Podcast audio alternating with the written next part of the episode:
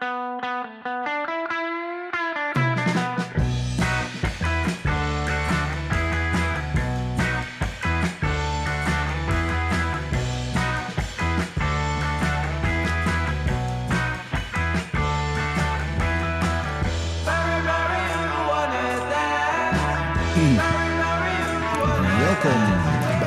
Tea met Dirk en Rens, een podcast over cannabis en alles wat met deze wonderbaarlijke plant te maken heeft. Mijn naam is Dirk Bergman.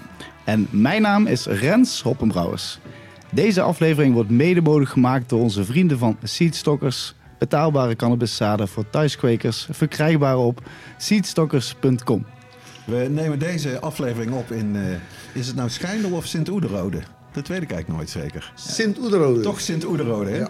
En eh, daar zijn we te gast bij eh, een van de succesvolste cannabisondernemers van Europa. Ik denk dat je dat toch wel kan zeggen. Boy Ramzai en zijn zoon Shai. Hartelijk welkom in de Tea eh, podcast, heren. Ja, jullie welkom eh, bij ons op kantoor. Eh superleuk om jullie hier eh, een keer aan tafel te hebben. Zeker weten. Dus, eh, ik heb al meerdere keren jullie podcast beluisterd. Dus eh, is een eer om eh, jullie een keer hier te hebben. Ja, dankjewel. dankjewel. Inderdaad leuk dat we hier eh, aan mogen schuiven. Natuurlijk gaan we het uitgebreid hebben over de bedrijven die Boy heeft opgebouwd. Discover Publisher, eh, Royal Queen Seeds natuurlijk, Sipdol, SeaTech. Maar we hebben ook natuurlijk ook nog eh, jullie smart shops. De sm- House of Smart. Zamnesia, Zamnesia. Ook toch? Bitcanna.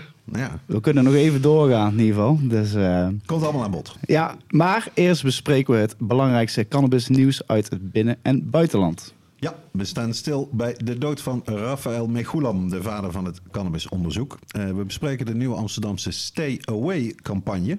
en de drastische daling van het aantal ontdekte wietkwekerijen in ons land. Ja, en nog meer nieuws. Project C claimt 90 miljoen euro bij de staat. Leafly stopt met journalistiek en Oostenrijk verbiedt HHC. En in de, in de Zwitserse stad Basel is een wietproef gestart. En de Taliban verbieden cannabisteelt in Afghanistan. En als allerlaatste, James Burton heeft een bijzondere post gekregen van Joe Biden. Zeker weten. Dit is High Tea met Dirk en Rens, aflevering 73. Yes, we zijn er. En we zijn eh, gezellig bij de mannen van Royal Queen Seats. Laten we beginnen met het eerste rubriek. rubriek. Wat zit er in de joint vandaag?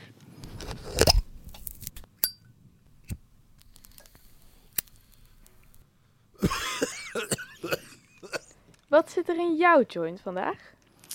Ja, en ehm, natuurlijk beginnen wij altijd met onze gasten. En eh, ja, wat eh, zijn jullie aan het roken? Eigenlijk, we zijn, eigenlijk zijn wij aan het roken, maar vertel. Ik zal wel vertellen. Vertel een eens. beetje saai, maar ik rook überhaupt niet eens een sigaret. Dus bij Zo- mij. dus zo bij mij- gezond. zo gezond, ja. Dus bij mij zit helemaal niks in mijn joint. En Shai, Ja, voor mij eigenlijk hetzelfde. Ik, eh, ik rook geen joints meer. Vroeger wel, toen ik iets jonger was op eh, middelbare school. Na school stiekem een jointje roken. Ehm, ik deed zelf wat plantjes thuis in de tuin zetten om eigen wietje te kweken. En iedere woensdagavond eh, rookte ik samen met mijn beste kameraad Joep. Eh, lekker jointjes eh, totdat we er weer neervielen. en dan gingen we lekker slapen. En, ehm, maar eigenlijk ja, in de loop van de jaren ben ik eigenlijk daar eh, mee gestopt. Omdat ik ook stopte met sigaretten roken. En nu neem ik alleen nog maar het THC in, in vorm van olie. Dus voor het slapen gaan een druppeltje. En ja, dan slaap ik lekker in ieder geval. nou, ja, heel, ik vind het heel mooi. ik moet wel zeggen, wij zijn dus wel, we hebben de gastvrijheid gekregen om hier op het kantoor een heerlijk jointje zelf eh, te mogen nuttigen. Absoluut. Dat is, Ik eh, wil er graag iets aan toevoegen. Ik ben net terug uit eh, Amerika. En het mooie van Amerika is, je hebt daar edibles met THC, met CBD, met CBN of weet ik wat allemaal. En uiteraard heb ik dat, dat wel lekker geprobeerd. Dan lekker gummibeer, lekker met THC erin. Geweldig. Dus absoluut een uitkomst voor mensen zoals ik die bijvoorbeeld slechte longen hebben of niet roken. Geweldig. Chocola met THC of whatever. Gewoon. Waanzinnig, waanzinnig, Ja, ja. waanzinnig. het is zeker de toekomst. Ja, Absoluut, 100%. grote uitkomst. Dirk, wat eh, ben jij eh, aan het versnaperen hier eh, langs me? Ja, voor mij is het, eh, het is natuurlijk lente, maar eh, dat betekent voor mij ook sinds een aantal jaren eh, jureren voor de High Life Cup. Eh komen we dadelijk nog over te spreken hoe dat ooit begonnen is Ja, ja, ja. eh, en hoe zich dat ontwikkeld heeft. Maar eh, nee, dat is weer een hele opgave, moet ik zeggen, om eh, door al die samples heen te gaan en ze zo serieus mogelijk te beoordelen. Dus ik ben bezig met eentje uit de categorie, een nieuwe categorie. USA Grown in Nederland. Oh. Dus er is een, er is een categorie uit Amerika geïmporteerde wiet. Zo, zo heet die categorie althans. En dan dus eentje met Amerikaanse genetica, maar wel in Nederland eh, gegroeid. En deze, ja, een beetje slordig. Ik kon op, de, op het zakje nog de naam zien met eh viltstift. Eh, dan zou het een biscotti moeten zijn. Ik weet niet of dat waar is, maar het is wel, ik vind het wel een erg lekker wietje. Ik vind hem in deze categorie boven gemiddeld. Hij ruikt lekker. En hij doet het ook goed. Dus leuk voor deze uitzending. Hoe zit dat bij jou, Rens? Wat ben jij? Je hebt nog niet opgestoken, maar wat, wat ga jij opsteken? Hij, eh, hij, staat, hij ligt klaar. Nee, eh, ik heb een, eh, een heerlijk wietje van, de, van toevallig de Dizzy Duck meegenomen. Ah, wat een toeval. Toeval. en toevallig ook van mijn grootste vriend La Chanvrière, Sunsets. Ik denk een strain die de luisteraars zal kennen ondertussen. Ja, zeker. En, Die is eh, al, wordt hier regelmatig eh, gerookt. Ik moet zeggen, het is niet, podcast. echt niet voorbereid. Want ik dacht, eh, ik dacht we houden het discreet, deze aflevering. Maar toevallig, ja, dan, dan nemen we het er ook van. En deze zat nog in mijn tas, dus dat is fantastisch. Mooi Dus zo. ik hoop dat alle luisteraars ook iets lekkers te roken hebben voor deze aflevering. En we gaan beginnen met het nieuws.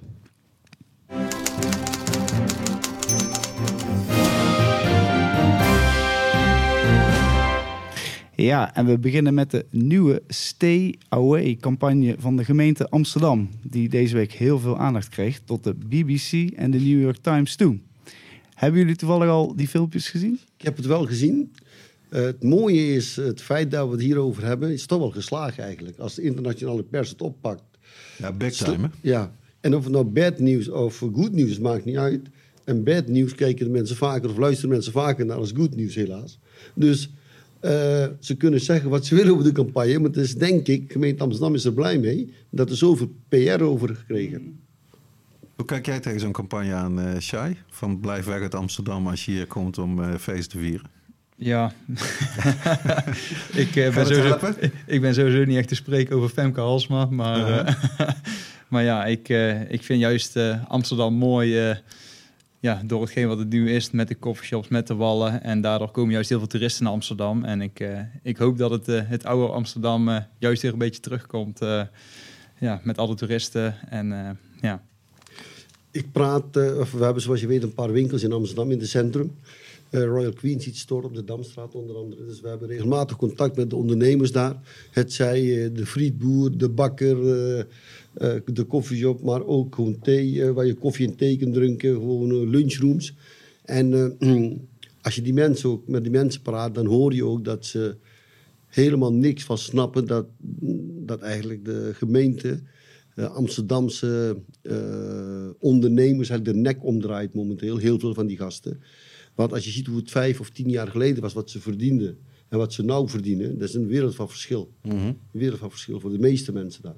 Ja sommige mensen zeggen gewoon dat het 40% minder is dan Ja. eh, een aantal jaar geleden. Dat is echt bizar. Dus eh, Maar we kunnen met z'n allen ook wel iets vinden van ehm, als er een stad allemaal dronken mensen rondlopen, bij wijze van spreken. En er is heel veel overlast, daar, daar kun je ook iets over zeggen en vinden, uiteraard. Ja, nou ja de, de vraag is dan of dit gaat helpen, zeg maar. Of dat het misschien zelfs een averechts eh, effect heeft. ik weet het niet. Hoe- Ik, ik vind het ook, ik had het nooit zo verwacht. Maar aan de andere kant, je ziet gewoon, ze proberen te ontmoedigen. Ja. Dus dan komt Nou zo'n ja. af- zo'n zo'n campagne er op zich ook wel weer bij verwacht. Of, Ik heb eh, meer het idee, het komt door hele goedkope vluchten. Waardoor je inderdaad letterlijk voor vier tientjes kan je op en neer vliegen vanuit Engeland. Ja. En het heeft veel te maken met alcohol. Want wanneer ga je al die dingen doen die overlast geven, zoals schreeuwen en Ja, ja, kotsen en weet ik Ja, wat. ja. Dat is niet zozeer door de wiet. Ja. Maar ja, per, wat is het, bij 1 april of bij 1 mei gaat ook het blowverbod eh, op de wallen in, toch?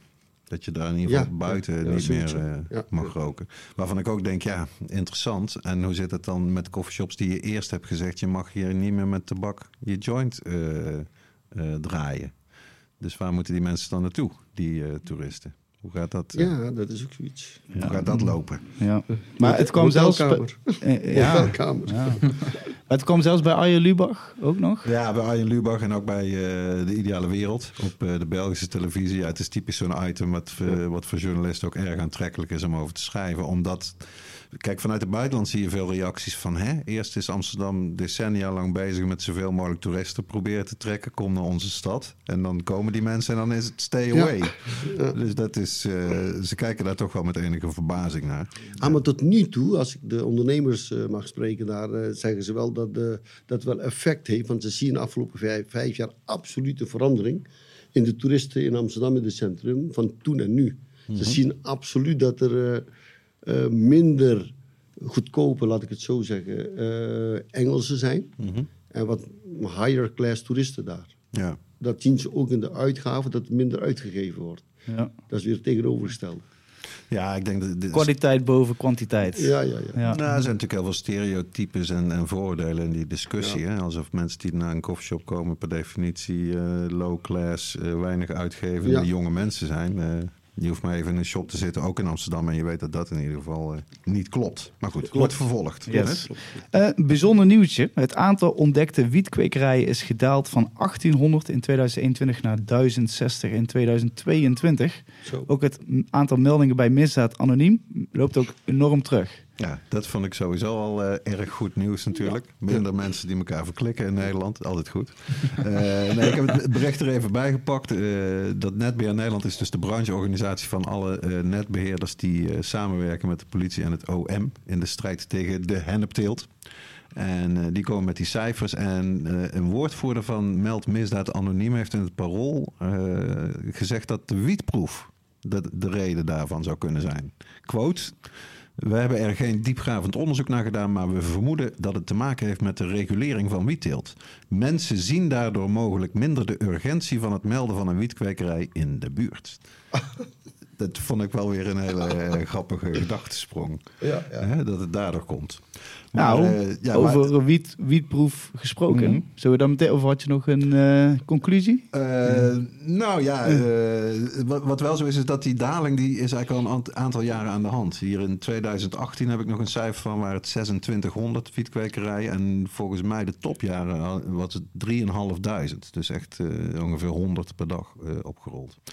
Dus de, ja, het is wel grappig. Niemand weet hoeveel het er wel zijn. Want we weten alleen hoeveel er opgerold zijn. Maar we weten nooit hoeveel er niet opgerold zijn. Zou het misschien ook komen door de hoge elektriciteitsrekening en de mogelijkheden en dat soort dingen? Ook gewoon minder kwekerijen zijn. Gewoon, eh, ja, lijkt me En- ook wel logisch. En zou het misschien ook niet kunnen zijn dat er zoveel eh goede wiet uit het buitenland komt? Ja, Tegen En dat kwekers prijzen. misschien zijn verhuisd naar België, naar Spanje.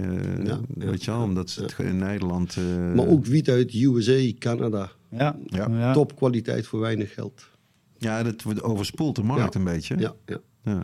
Dus de kwekers in Nederland die hier kweken, die kunnen hun spul niet kwijt, zeg maar. Of konden hun spul veel moeilijker kwijt, denk ik. Hmm. Nou, er is gewoon heel veel concurrentie tegenwoordig. Klopt, zeker weten. Nou ja, over wietproef gesproken, wat je inderdaad zei. Eh wietproefnieuws. Op 30 maart stond de afgewezen teler Project C voor de, te- eh, voor de rechter. Wat, eh, wat was daar aan de hand? Nou, de- niet de enige. Er stond er nog eentje en die heb ik ook wel eens gem- ontmoet, eh, die kerel. Dat heet Outernet. En die wilde ook in Breda voor de wietproef gaan telen. En die voelt zich ook zeer tekort gedaan door de PLA en eigenlijk door alle instanties. En nou ja, project C die zegt dus van dit is allemaal verkeerd aangepakt door de overheid. Ik zag zelfs eh, op Twitter eh, Peter Schouten, de advocaat die bij Project C, een van de oprichters is van het Project C, eh, dat de overheid ondermijnend bezig was geweest. Dus ik had zoiets, ho ho, rustig aan meneer Schouten. Maar goed, inkomstenderving en ook de kosten die ze al gemaakt hebben. En ze hadden een heel veiligheidsplan en ze hadden een Amerikaanse investeerder. En daarom eisen ze nou dus 90 miljoen euro. En ze willen alsnog meedoen aan de wietproef. En als dat niet mag, dan in ieder geval op de wachtlijst. Voor, Oh. voor als er een teler afvalt. En dat wil ook eh, de meneer van Autonet. Dus eh, ja, ben benieuwd. De uitspraak is op eh, 11 mei. Dus tegen die tijd zullen we er eventjes op terugkomen. Stel je Zo. voor dat, het, dat de rechter zegt... ja, ja, wij vinden eigenlijk dat je inderdaad ook mee mag doen aan de wietproef. Dan ben ik benieuwd, want ze hebben nog steeds geen locatie. Ze hebben verder helemaal niks. Interessante case. Ja, het is... eh, Nou ja, hoe kijken jullie daar tegenaan? Nou ja, ik vind, eh, ik, ik wens iedereen veel geluk en succes in, wat, in alles wat ze ondernemen, laat even vooropstellen. Alleen als je ziet dat je zoveel moet investeren in een eh, traject en dat je maar vier of vijf jaar mag kweken en daarna moeten weer andere mensen komen, omdat je niet zeker bent van je investering, dan vind ik een absurde regelgeving. En eh, ik ben natuurlijk blij dat de achterdeur van de coffeeshops beter geregeld gaat worden. Het zijn distributie, kwaliteit, controle en noem maar op. Dat is chapeau. Alleen, ik vind het absurd dat als, je, als de overheid zegt... ja, eh, je mag het doen, maar alleen maar vijf jaar bijvoorbeeld. En na vijf jaar eh, gaan we iemand anders ervoor pakken. Of we weten nog niet wat we gaan doen, maar je krijgt geen zekerheid dat je verder mag kweken. Dan ben ik benieuwd of de mensen kostendekkend kunnen zijn in de vijf jaar tijd. Wat heb jij zelf overwogen om mee te loten? Of heb je meegeloot? Nou, nee, ik heb het zelf niet gedaan. Ik ben wel drie à vier keer benaderd. Dat mensen vroegen of ik mee wou doen. eh, als investeerder of als eh, iets anders. En wij hebben, eh, wij hebben hier intern erover gehad. We hebben gezegd, we gaan dat niet doen. En de reden ervan is van, wat ik net al gezegd heb, vijf jaar vinden we veel te kort. Veel te kort. Ja, Ah, dat kan ik goed begrijpen. Zeker. Nou, want er is nog steeds ook niet eh, tijdens deze 73ste aflevering is er een gram eh, gereguleerde wiet over de toonbank gegaan. We wachten er nog steeds op. Ja. Maar eh, ach ja, Ja. we houden hoop. Toch? Ja, Rens? zeker. Even kijken. Over naar het buitenland. In Israël overleed op 9 maart de vader van cannabisonderzoek, Raphaël. Ja, ik ben zo slecht in namen altijd. Mechulam. Meegulam. Ja. Op 92-jarige leeftijd. Een hele mooie leeftijd. Ja. Waarom werd hij zo genoemd, Dirk? Eh, nou ja, Mechulam is echt een van de, van de pioniers, kan je zeggen, in de moderne geschiedenis als het gaat om eh, onderzoek naar eh, cannabis. Hij werd geboren in 1930 in Bulgarije, in Sofia. En emigreerde in 1949 naar Israël en daar ging hij scheikunde studeren. En hij begon eigenlijk vlak voordat cannabis wereldwijd veel meer gebruikt ging worden, zeg maar. In 62 geloof ik, eh, begon hij met het onderzoek naar cannabis. Omdat hij zich erg over verbaasde hoe weinig eh, chemische, of hoe moet ik het zeggen, scheikundige informatie er eigenlijk was over cannabis. Welke stoffen daarin zaten die werkzaam waren, wat de, hoe die moleculen zeg maar eruit zagen, eh, wat voor stoffen dat waren.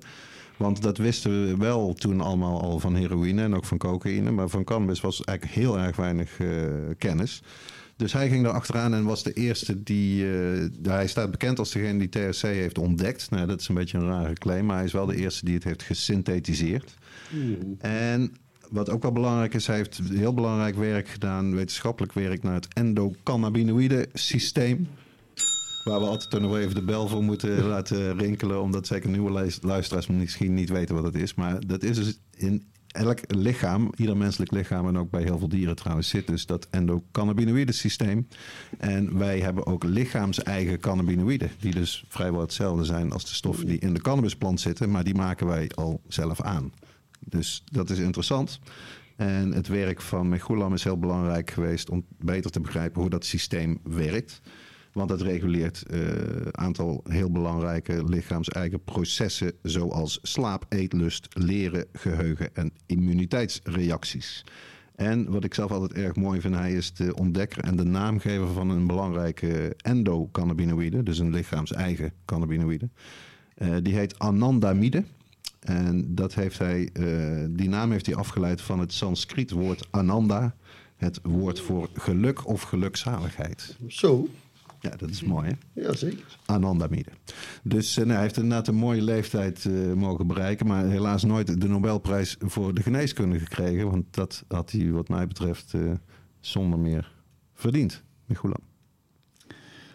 Op naar de volgende. Ik wil er even iets op zeggen. Zeker. Hoogwaarschijnlijk zijn wij de laatste bedrijf geweest die die goede man geïnterviewd heeft. We zijn met een... eh, Wauw. We zijn met Wij zijn eh, de laatste. Wij hebben, de familie heeft contact eh, met ons opgenomen om de, de beelden op te vragen. Ah joh, dat Ja. meen je niet. Maar vertel maar waar we mee bezig Ja. zijn. Leuk met Nee, waar. vertel me, vertel me. Jij mag vertellen. ja, we zijn bezig met een, eh, een cannabis documentaire te maken. Eh, ja, eigenlijk alles over eh, cannabis in, eh, in Europa. En eh, daarvoor eh, ja, interviewen wij eh, ja, echte keyspelers eh, binnen de cannabiswereld. eh, waaronder deze beste Mhm. man. En eh, de filmcrew die is, even denken, denk, net, ja, net iets voor Spannabis. Ik denk twee weken voor Spannabis is die naar, eh, zijn die naar Israël eh, toegevlogen om deze man te interviewen. En is de laatste interview geweest die hij gegeven Heeft op, ja, voor de camera. Dus, dus de familie heeft, heeft ons daarover contact om de beelden natuurlijk op te Mhm. vragen. En ja, uiteraard geven wij die beelden. En, en deze documentaire, ja, deze, die gaan wij uiteindelijk ja, ergens eh, publiceren. Waar weten we nog niet precies. En wanneer ongeveer? Heb je daar een Eh, tijdspad ik- voor? of- eh, denk, eind dit jaar ongeveer, denk ik. Binnen een half jaar, denk ik. Ja, Ah, Oké, dus plus wel nog in 2023. Ja, ja, ja. En het worden vijf afleveringen. Dus, eh, Wauw. Dit is Interessant. wel een primeurtje. Ja, dat is Eh, primeurtje, dat- ja, ja. eh, dat- Absoluut. Dat is wel heel gaaf. eh, dat Zeker. Ja. Maar er zitten heel, veel- heel veel leuke spelers in. De rest Mhm. eh, ga ik nog niet eh, vrijgeven, maar toevallig omdat eh, ja, nou, natuurlijk.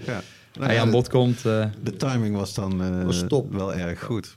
Wat wij, de reden ervan is, we, we gaan twee eh, documentaires maken. Eentje wat Shine net over had. En de andere documentaire die we gaan maken, dat gaan we om het vijf jaar doen. Ehm, we gaan ehm, ons bedrijf Royal Quincy gaan, gaan we filmen. We gaan mensen interviewen, zowel mensen die inpakken tot management, tot weet ik wie allemaal. Iedereen die wat te doen of belangrijk is in het bedrijf zelf. En eh, de reden ervan is van... eh, Dirk, we kennen elkaar al eh, 30 jaar, misschien wel langer. En het zou toch mooi geweest zijn toen wij met eh Highlight begonnen. In die tijd, je bent een van de journalisten geweest, een van de eerste zelfs. Het zou mooi geweest zijn als we dan filmmateriaal van gehad zouden hebben. Ja, of fotomateriaal. En heel veel eh, bedrijven, CQ-ondernemers, vergeten dat, dat soort dingen te doen. Waarop ik gezegd heb intern op de managementvergadering bij ons: Weet je wat, we gaan om de vijf jaar gaan we voortaan een reportage van ons bedrijf maken. Wat onze eh, doelstellingen zijn, waar we naartoe gaan, eh, wat onze visie is. En het is altijd goed om na vijf jaar weer terug te kijken: hebben we het gehaald, ja of nee? En wat is allemaal veranderd in de cannabiswereld? Vooral mooi. in de wereld veranderd. Ja, het gaat super snel. Het gaat heel snel. Ja. En, Ja. en dat gaan we zowel voor Royal Quincy doen als Sipdol, als van Zamnesia. En ga zo maar door. En we hopen daarmee heel veel dingen vast te leggen voor de generatie na ons. Ja, zeker. Ja. Hoe wij begonnen zijn en waar we voor stonden en dat soort dingen. Ja. En die komen ook publiekelijk? Of wordt het meer voor intern? Ja, eh, ja maar dat, dat zal ehm, ook misschien wel publiekelijk zijn, maar ook zeker voor intern. Maar ook dat we gewoon data hebben.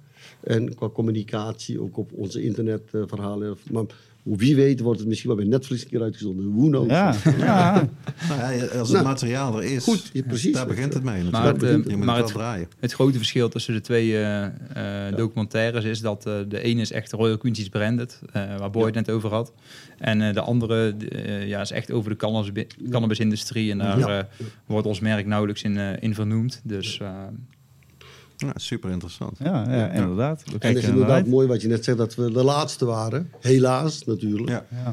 Maar wel mooi dat wij toevallig dat hebben mogen doen. Dus Dat is wel een eer, natuurlijk. Absoluut een eer. Ja, Ja, en dan hoop ik dat zal hij wel gedaan hebben, want het is wel best wel een beroemde anekdote. Maar dat hij, eh, toen hij helemaal in het begin in Israël begon met het onderzoek naar cannabis, deed hij dat met door de politie in beslag genomen hash. Dus geen wietplanten, maar gewoon uit Echt de- waar? Ja. Van de criminelen, de zaakjes. Ja, En eh, anders hadden ze geen materiaal om Ja. mee te werken, zeg ja, maar. ja, ja. Geweldig, geweldig, geweldig. We, we- we kijken in ieder geval naar uit, zeker weten. Ehm, even naar, eh, ja, we gaan naar, eh, over jouw cannabis eh, of eh CNNBS column over Leafly. Ze stoppen met het journalistieke deel van een. Ja, dat vond ik zelf wel Ja. een van de slechtere nieuwsfeiten van de afgelopen weken. Want Leafly is toch uitgegroeid tot de grootste wietwebsite eh, ter wereld. Ooit wel begonnen als strain database trouwens, maar al vrij snel overgenomen door Privateer Holdings destijds. En toen ging het echt vliegen. Toen zijn ze hele goede journalisten aan gaan nemen. En toen, ik beschrijf het ook in die column, heb ik een tijdje een soort Europees team als proefproject kunnen draaien. Nou, dat, dat was echt heel cool met mensen, ja, ook mensen die ik al lang kende uit Spanje, uit Italië, uit Tsjechië, die mee konden werken met Europees nieuws.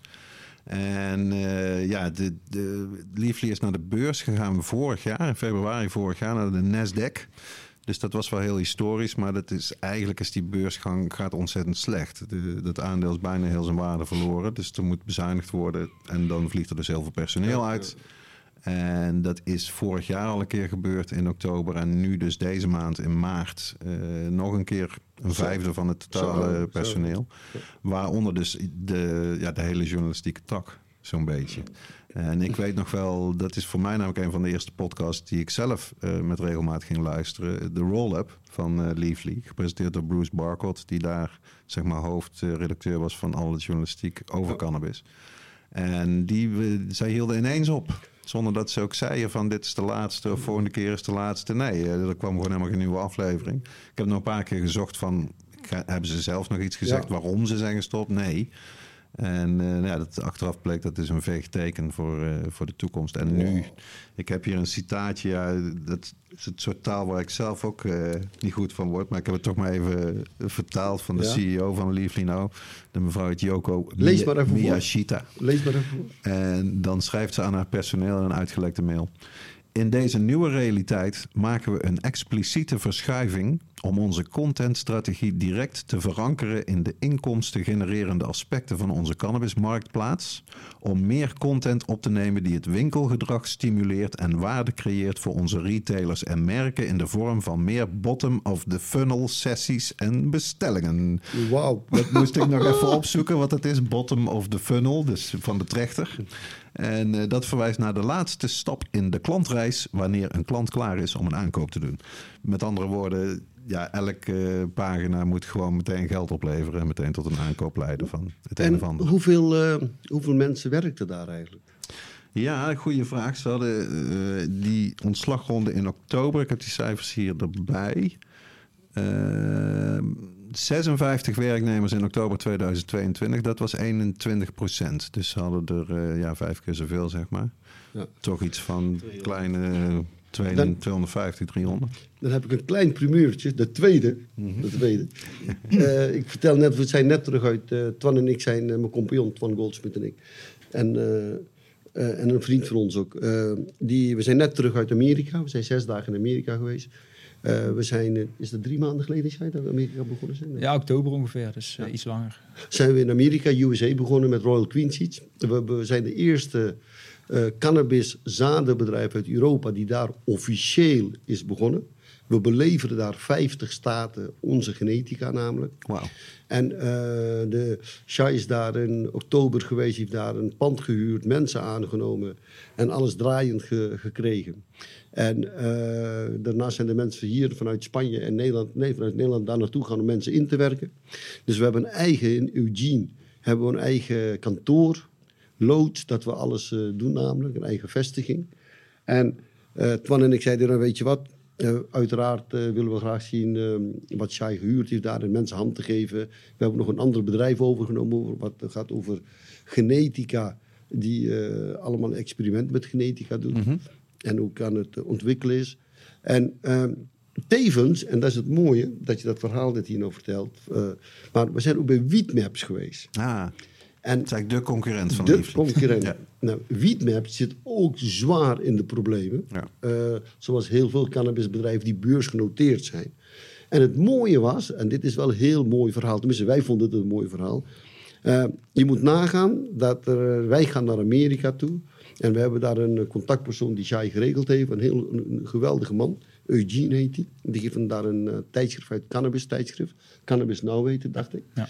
En die man die heeft voor ons afspraken geregeld. En, die, en toen we zeiden dat we willen graag ook met Wietmaps praten. Want eh, gezien het feit dat we daar gaan beginnen, we gaan heel veel reclame maken, marketing. Dus dan wil je wel met de grote partijen praten.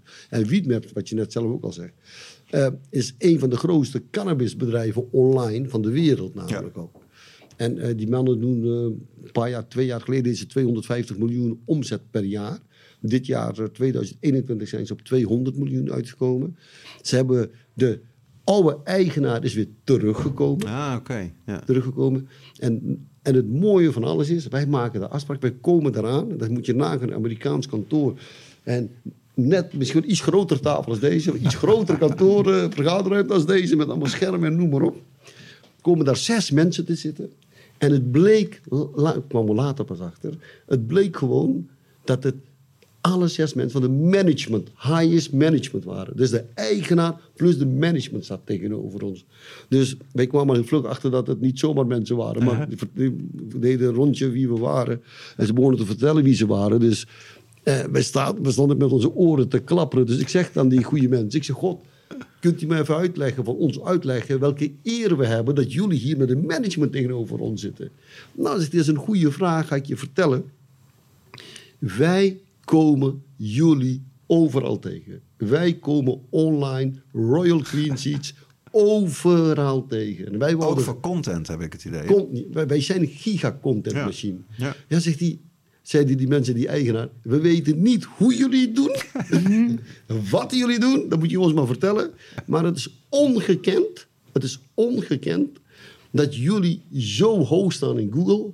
Dat jullie zo'n content hebben. De nieuwste van de nieuwste. Zijn jullie een van de eerste mee. Dus ondanks dat wij andere continenten leven, maar wij hebben zoveel respect voor brand Royal Queen Seats, voor de idee wat hierachter zit, met de content wat jullie maken. Het is bizar. En dat is de reden dat heel ons management wou jullie in de ogen kijken. Wat mooi. Een groter compliment kun je goed Ja, niet krijgen. ja, Een groter compliment kun je goed niet krijgen. En eh, dus Lieflij, wat je nog zit te vertellen inderdaad. Het is, eh, je ziet dat inderdaad bij heel veel ehm, cannabisbedrijven die beursgenoteerd zijn, die heel veel problemen momenteel hebben. Ja. Want die handel, die, eh, dat is bij Wietmaps, ieder minuut is ook helemaal naar beneden gekelderd. En, En in het geval van Leafly is het dus zo. Ze moeten tien dagen achter elkaar, werkdagen, moeten ze minimaal 50 miljoen bedrijfswaarde hebben. Want als ze dat niet halen achter elkaar, Ja. dan gaan ze gewoon van de Nasdaq af. En Die dan, je niet. ja, en dan ziet het er heel slecht uit. ja. Dus ze moeten ja, alle hens aan dek om dat te kunnen doen. En Nou, een van de problemen, want, heel ik, jammer. want ik vroeg aan Wietma- Wietmaps, ook dat zelf natuurlijk als uh, Liefline nagenoeg. Ehm, maar ik zeg, maar hoe kwam het dan dat het zo slecht ging eigenlijk bij jullie? En de antwoord is wat die man zei, moet je luisteren. We zijn een beursgenoteerd bedrijf.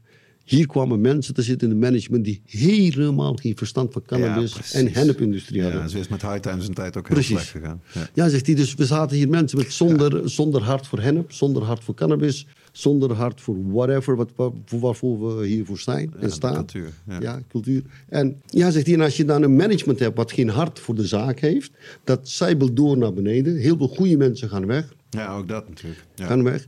En eh, als je dan ook ziet dat je in een jaar tijd 50 miljoen naar beneden keldert qua omzet, ja, dat, dat gaat naar de verdommenis. Dat is ook een van de redenen dat toen ook de raad van bestuur van Wietmaps ook de oude eigenaar terug heeft gehad. Ja, met de precies. verschillende oude garden. Dat ze weer de hennepgevoel en het eh, hele idee achter Wietmaps weer een nieuwe leven, een nieuwe bloed willen inblazen, een nieuwe leven willen inblazen.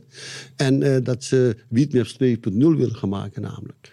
En eh, dat was wel geweldig mooi om te zien dat ze de oude eigenaren weer terug hebben gehaald in het bedrijf. En ik denk dat dat heel goed zal zijn, hopelijk voor Wietmaps. Ja. Maar het zijn geweldige, mooie mensen. Waar we met z'n allen hier in Europa een, een- nog een puntje aan kunnen zeggen hoe dat hun het daar gedaan hebben. En laten we het hopen dat ze het gaan redden natuurlijk. Ja. Ja, het zijn, goed die hoop. zijn echt spannende tijden hè, in Amerika. Ja. Nou ja, qua functie. Ik heb, eh, toen ik in Amerika voor twee weken toen eh, was, toen heb ik Weedmaps heel veel gebruikt om te kijken oh, wat is er allemaal voor lekkers Ja. in de buurt, Ja. weet je wel, en dergelijke. Dus het, het werkt. wel. hè? daar zijn ze in- in Europa eigenlijk alle twee. Zowel Weedmaps als Leafly een beetje op stuk gelopen. Dat je dat in, in Europa kan je dat helemaal nog niet doen. Weet je wel? Je kan niet van een koffieshop met zekerheid vaststellen dat ze die soort op dit Ja, moment in nee, de dat aanbieding hebben. Dat mag allemaal niet, kan allemaal niet. Dat, Dus- vroeg ik, dat vroeg ik aan hem. Ik zeg, want ik ben zeven jaar geleden ben ik in Barcelona op de hoofdkant of kantoor geweest van Weedmaps. Ja, toen gingen ze. Europa, ja. Dan gingen ze boven Ja. en boven op een, eh, een van de kantoor of, de, of flatgebouw, weet ik wat het was, zaten ze. Mooi kantoor, by the way, twee verdiepingen of drie. Ik zeg, eh, wat is de reden ervan dat jullie gestopt zijn? Jij zegt, nou, ik ben toen uit het bedrijf gegaan. En de nieuwe management zagen er weinig heil in om dat te doen. Maar ik kan je één ding zeggen. Dit jaar gaan wij terug naar in Europa. En wij gaan het overnieuw Wietmaps uitrollen in Europa. Oké. Dus dat is wel leuk. En ze gaan weer terug naar Spanje komen. Ik zie dus al Goed keer eh, Royal Queen Seats. eh. Wij, nou, nou, Jullie nou, zitten nou... eh, wij gaan, eh, inderdaad, wij gaan met Royal Queen Seats, omdat wij dit eerste jaar daar bezig zijn. En ehm Shai is de man die voor ons bedrijf natuurlijk daar eh, ook gaat reizen en ook reist en eh, daar alles op poten moet zetten. Maar wij gaan daar natuurlijk een giga marketing van halen. Van billboards, reclame, radio, tv, alles gaan we daar doen. Alles. Nice. wel Ja, dat kan allemaal daar, toch? Ja. Ja, geweldig. Maar we, we gaan, oh, in ieder geval, ik vind het leuk dat we hier zitten. We hebben in ieder geval zat eh, te vertellen dadelijk. eh, in ieder geval. Eh, maar we gaan nog even het, het nieuws afmaken. We gaan eh, door naar Oostenrijk, waar de regering handel en verkoop van HHC heeft verboden. En voor alle luisteraars, eh, Dirk, wat is HHC? Eh, ja, HHC, dat staat voor hexahydrocannabinol. En eh, ja, voor de mensen die dat inderdaad nog niet weten, het komt in heel kleine hoeveelheden voor in de cannabisplant. Maar zo weinig dat je het eigenlijk nauwelijks op die manier kan sourcen. En daarom is het mm, eigenlijk alle HHC die je tegenkomt is synthetisch. Dus gemaakt in het laboratorium.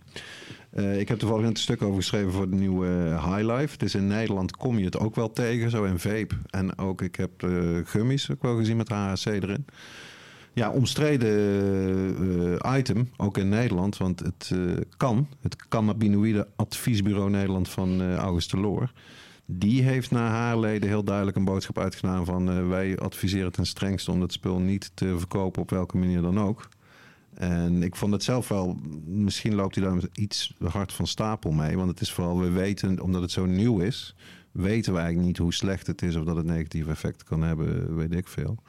Wat ik me daarbij wel afvroeg, heeft dat voor jullie bijvoorbeeld bij Siebel ook nog gespeeld? Synthetische cannabinoïden of HHC gaan gebruiken? Ja, ik, ik heb, ik heb zelf heb ik een, eh, een bedrijfje naast uh, mijn baan bij Royal Queens heb ik een bedrijf heet Cannabis Bakehouse. En uh, wij verkopen allerlei edibles met uh, CBD en met terpenen. En ik, wij hebben wel overwogen om ja, deze producten te maken, maar ja, ik, uh, ik wil mijn vingers er uh, nog niet aan branden, want uh, er is nog te weinig onderzoek naar gedaan wat het precies doet. Mm -hmm. En ehm, dus, dus ja, wij hebben ervoor gekozen om, ja, om, om daar niet mee te gaan beginnen in ieder geval. En, en, en, als je ermee begint, moet het op de, op de juiste manier verkocht worden. En op dit moment wordt, ja, wordt het niet op de juiste manier verkocht. Het is op plekken verkrijgbaar, waarbij er te weinig informatie wordt gegeven over ja. het product. Waardoor mensen uh, denken dat ze een heel licht snoepje krijgen, maar liggen daarna te kruipen op de grond, zal ik maar zeggen. Dus ja, dat is het idee, hè? dat het, het effect eigenlijk heel vergelijkbaar is met dat van THC. Iets milder heb ik dan wel. Uh, ja, ik heb zelf. Nee, ik heb die, die gummies nog liggen. Ik heb die niet genomen, omdat ik ook denk, eh, ik ben toch meer van de natural, de ja. natural product. Maar uh, hoe sta jij tegenover HSC? Kom jij er tegen? Of, Ik vind wat Shai zegt, is echt precies het goede wat je moet denken, denk ik. Er is zo weinig informatie en mensen mm. springen te snel op die uh, trein. Ja, om even snel geld te verdienen. Ja, en, en het, ik weet niet, als het al synthetisch, ik, eh, ik hou me, ik ben toch ik genoeg, ik rook genoeg uh, natuurlijke wiet om uh, dus. Uh, komt wel aan je cannabis. Ik kom wel aan mijn uh, cannabis. Tax. Precies. maar goed, in Oostenrijk dus sinds 23 maart handel en verkoop verboden, bezit en gebruik niet. Dat is dan ook wel weer interessant. Uh, en als het wel rechtstreeks uit de wietplant wordt gewonnen, dan uh, valt het onder de narcotica-wet in Oostenrijk. Dus zelfs dan uh, ga je nog nat als je in Oostenrijk zit. Terwijl, ja, zoals vaste luisteraars ook zullen weten, en jullie waarschijnlijk ook wel, in Oostenrijk kan je gewoon legaal stekjes verkopen. Ja, ja klopt. En is het inderdaad wat je doet met die plant, dat is eigenlijk een beetje waar het over gaat. Want lang heb ik gedacht dat het ging om zelfs bloeiende planten. Maar zelfs dat valt eigenlijk niet onder de wet. Het is echt waarvoor doe je het? Dus het wordt ook vaak voor decoratieve doeleinden verkocht. Die zo, het is zo mooi in Oostenrijk, Oostenrijk. worden, die, uh, worden de plantjes gewoon in uh, vendingmachines verkocht, weet je wel. Ja, dus dat is echt uh, lach. Kom je in de winkel, kun je gewoon uit de vendingmachine gewoon je stekje halen. ja, dat kan allemaal daar, hè? Zaadjes, stekken, alles. Ja, alles, ja. ja. Geweldig is dat. wiet gewoon daar, of niet? Uh, dat weet ik, CBD-wiet. Ja. CBD-wiet, oh, ja. ja. Je hebt er zelfs onbemande winkels. Dat is wel een klant van ons. Uh, die hebben daar gewoon onbemande winkels in de, uh, op de grens van Zwitserland. En, uh, Niet daar, toevallig. Ja, en dan zijn er onbemande winkels. Dan kun je gewoon naar binnen lopen. Kun je gewoon je spullen kopen en met naar wow. buiten gaan. Dus, Allemaal CBD en aanverwante CBD, stekkies, zaadjes en wow. noem maar op. Ja, ja. maar geen uh, HHC dus in ieder geval. Dat is weer helaas. Meer. Uh, maar Rens, nee. even antwoord op je vraag te geven net. Inderdaad, wij bij uh, Sibdol gaan we absoluut niks doen het, met synthetisch gebeuren. Absoluut. Nee, heel goed. Heel goed. Ja. Nee. natuurlijk gesourced. Ja, Precies. Ja. Goed. Um, we gaan naar Zwitserland, want we hadden het net ook over. Die zijn heel toevallig al ook of in ieder geval, die gaan ook beginnen met het experiment met nee, geregelde... Die zijn dus al begonnen. Ze dat zijn is, al begonnen. Ja. Heel verdomme. Ja, die hebben ons toch gewoon ingehaald. Maar uh, dat heeft waarschijnlijk ook wat te maken een beetje met de omvang daarvan. Want hier zijn het natuurlijk hele steden, hè, die merken naar de wietproef. En in dit geval gaat het dus maar om één stad, namelijk Basel. En even kijken, volgens mij hadden zich... Uh, een paar duizend mensen hadden zich daarvoor opgegeven. Ja. Maar uiteindelijk zijn 400 inwoners van Basel... die mogen meedoen aan deze wietproef. En die kunnen dus legale wiet kopen in de apotheek. En uh, de THC-percentages uh, lopen uiteen van 4,5 tot 20 procent. Dus het is ook wel gewoon... Ja, ook sterke wiet uh, is te koop. de leeftijd van de deelnemers vond ik ook nog wel opmerkelijk. 18 tot 76. Dus een mooie brede scala, steekproef. Mooie breed schalen. En de prijzen zijn afgestemd op die van de illegale markt in Zwitserland. En eh, dat wist ik niet, maar de euro en de Zwitserse frank die zijn vrijwel hetzelfde. En de prijzen eh, lopen dus uiteen tussen de 8 en de 12 euro. Dan denk ik, ben benieuwd of wij dat gaan halen dadelijk met de wietproef. Tussen de 8 en 12 euro. Dat zal toch wel. Ja, ik mag het hopen dat het... eh, Ik denk het ook wel. Als het duurder gaat worden, dan eh, gaan we daar ook headed for disaster. Maar goed, er zijn eh, meer steden, Zwitserse steden, Lausanne, daar is het inmiddels ook alweer goedgekeurd. waar ze eigenlijk soortgelijke wietproeven gaan doen. Dus per stad. En niet vanuit de landelijke overheid, maar vanuit de lokale overheid. Ja, dan gaan we naar, het, eh, eh, eh, naar Afghanistan. We hebben echt heel de wereld uh, hebben erbij betrokken. wereld, eh. Ongelooflijk. Maak een Maar in ieder internationale geval- uitzending wel. In, Afghanis- in Afghanistan gaat het de verkeerde kant op. De Taliban heeft, eh, hebben cannabis-teelt in het hele land verboden. En bij ontdekking worden de planten vernietigd en de sharia toegepast op de kweker. Zo. Zo. Ja, Eh, dat is eh, op 19 maart. Op zondag heeft eh, eh, de Taliban-leider eh, Hibatullah Akhundzada... Ik hoop dat ik het goed uitspreek. Die heeft dit eh, bekendgemaakt. En inderdaad, eh, de sharia voor de overtreders, voor de wietkweekers. Wat natuurlijk absurd is, want eh, we weten allemaal dat in Afghanistan cannabis een ontzettend lange geschiedenis heeft. En nog steeds voor heel veel mensen en heel veel gezinnen de enige echte bron van inkomsten is. En ik zou de luisteraars eh, in het kader van Afghanistan even willen wijzen op de hele mooie nieuwe editie die uit is gekomen van het boek Afghanistan Fortress of Cannabis van eh, Lucas Strazzeri, die wij eh, te gast hadden in de IT-podcast. Aflevering 58, als je die nog niet hebt gehoord. Geweldig mooi boek. Hij heeft maandenlang gereisd door Afghanistan en Zo. het hele proces weten te fotograferen. Nee. Wat dus levensgevaarlijk is om te doen. Ja. Maar eh, nou ja, zoals wij zelf hebben mogen ondervinden, zo'n sympathieke, rustige, Ja. geïnteresseerde man. Dat je je ook alweer kan voorstellen dat, eh, dat iedereen daar hem het vertrouwen wilde geven om dat vast te leggen. Ja, ja, ja. Dus eh, dat boek is van harte aan te raden. En dat kan je via zijn Instagram, LucasWiseUp. L-U-C-A-S-W-I-S-E-U-P. Lucas Wiseup. Kan je dat bestellen. Kijk. Die Taliban, eh, mogen die mensen daar Afghaanse, of ze mogen natuurlijk niet, maar de cannabis gaan ze eh, illegaal maken, maar opium wat ze daar kweken, dat... eh, Ja, dat, dat hebben ze niet genoemd. Dus Precies. wie weet dat dat wel gewoon door blijft gaan. Ja. Want dat heb ik altijd wel begrepen van de Precies. Taliban. Dat ze daar zelf nog wel nodig aan financiering, hè? Dat Ja, wordt de toekomst. Ja, ja. Dat is bizar. Bizar. Echt maf, hè? bizar. Waarschijnlijk geen, willen ze geen concurrentie. Ja. Tja. maar- Het laatste nieuwtje, en dan gaan we eh, over eh, naar de mannen van, eh Boy, of, van Ramdai. Ehm, James Burton, de in Friesland woonachtige Amerikaanse medicinale cannabispionier.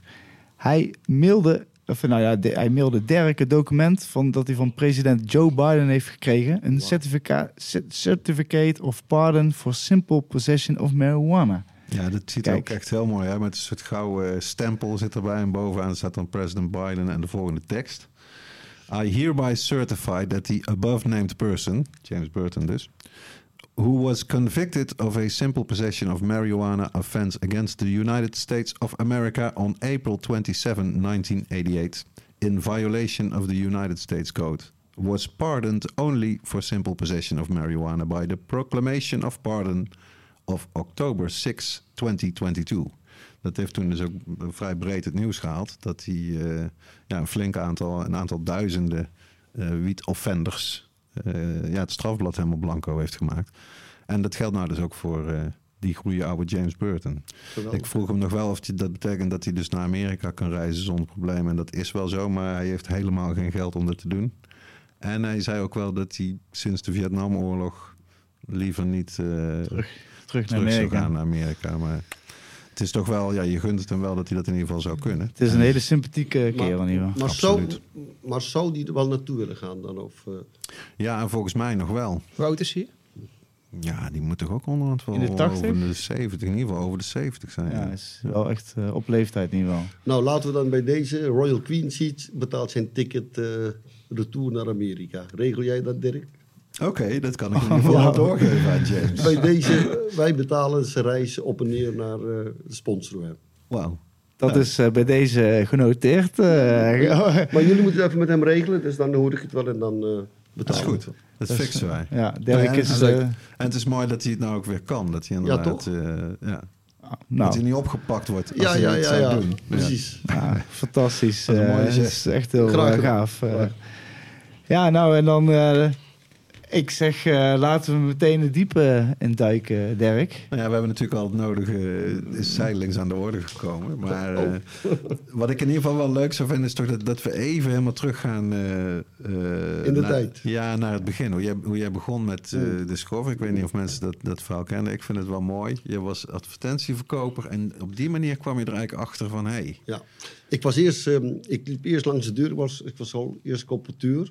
En eh dat houdt in dat je langs de deuren gaat om abonnementen te verkopen in mijn geval. Dat was voor boek en plaat ECI, dat bestaat niet meer. We hoorden bij de Bertelsmans groep, dat bestaat nog steeds wel in, in Duitsland. Een, een, een, gigabedrijf is dat, die van alles en nog wat doet. ja. En toen ik daar als comparateur bezig was, had ik een kindje gekregen, mijn oudste dochter momenteel. En eh, toen dacht ik, god, elke dag langs de deuren gaan helemaal leven, dat schiet ook niet op. Ik ga wel iets anders proberen. Toen ben ik advertenties gaan verkopen bij bedrijven. Eerst telefonisch, dan gewoon bezoeken.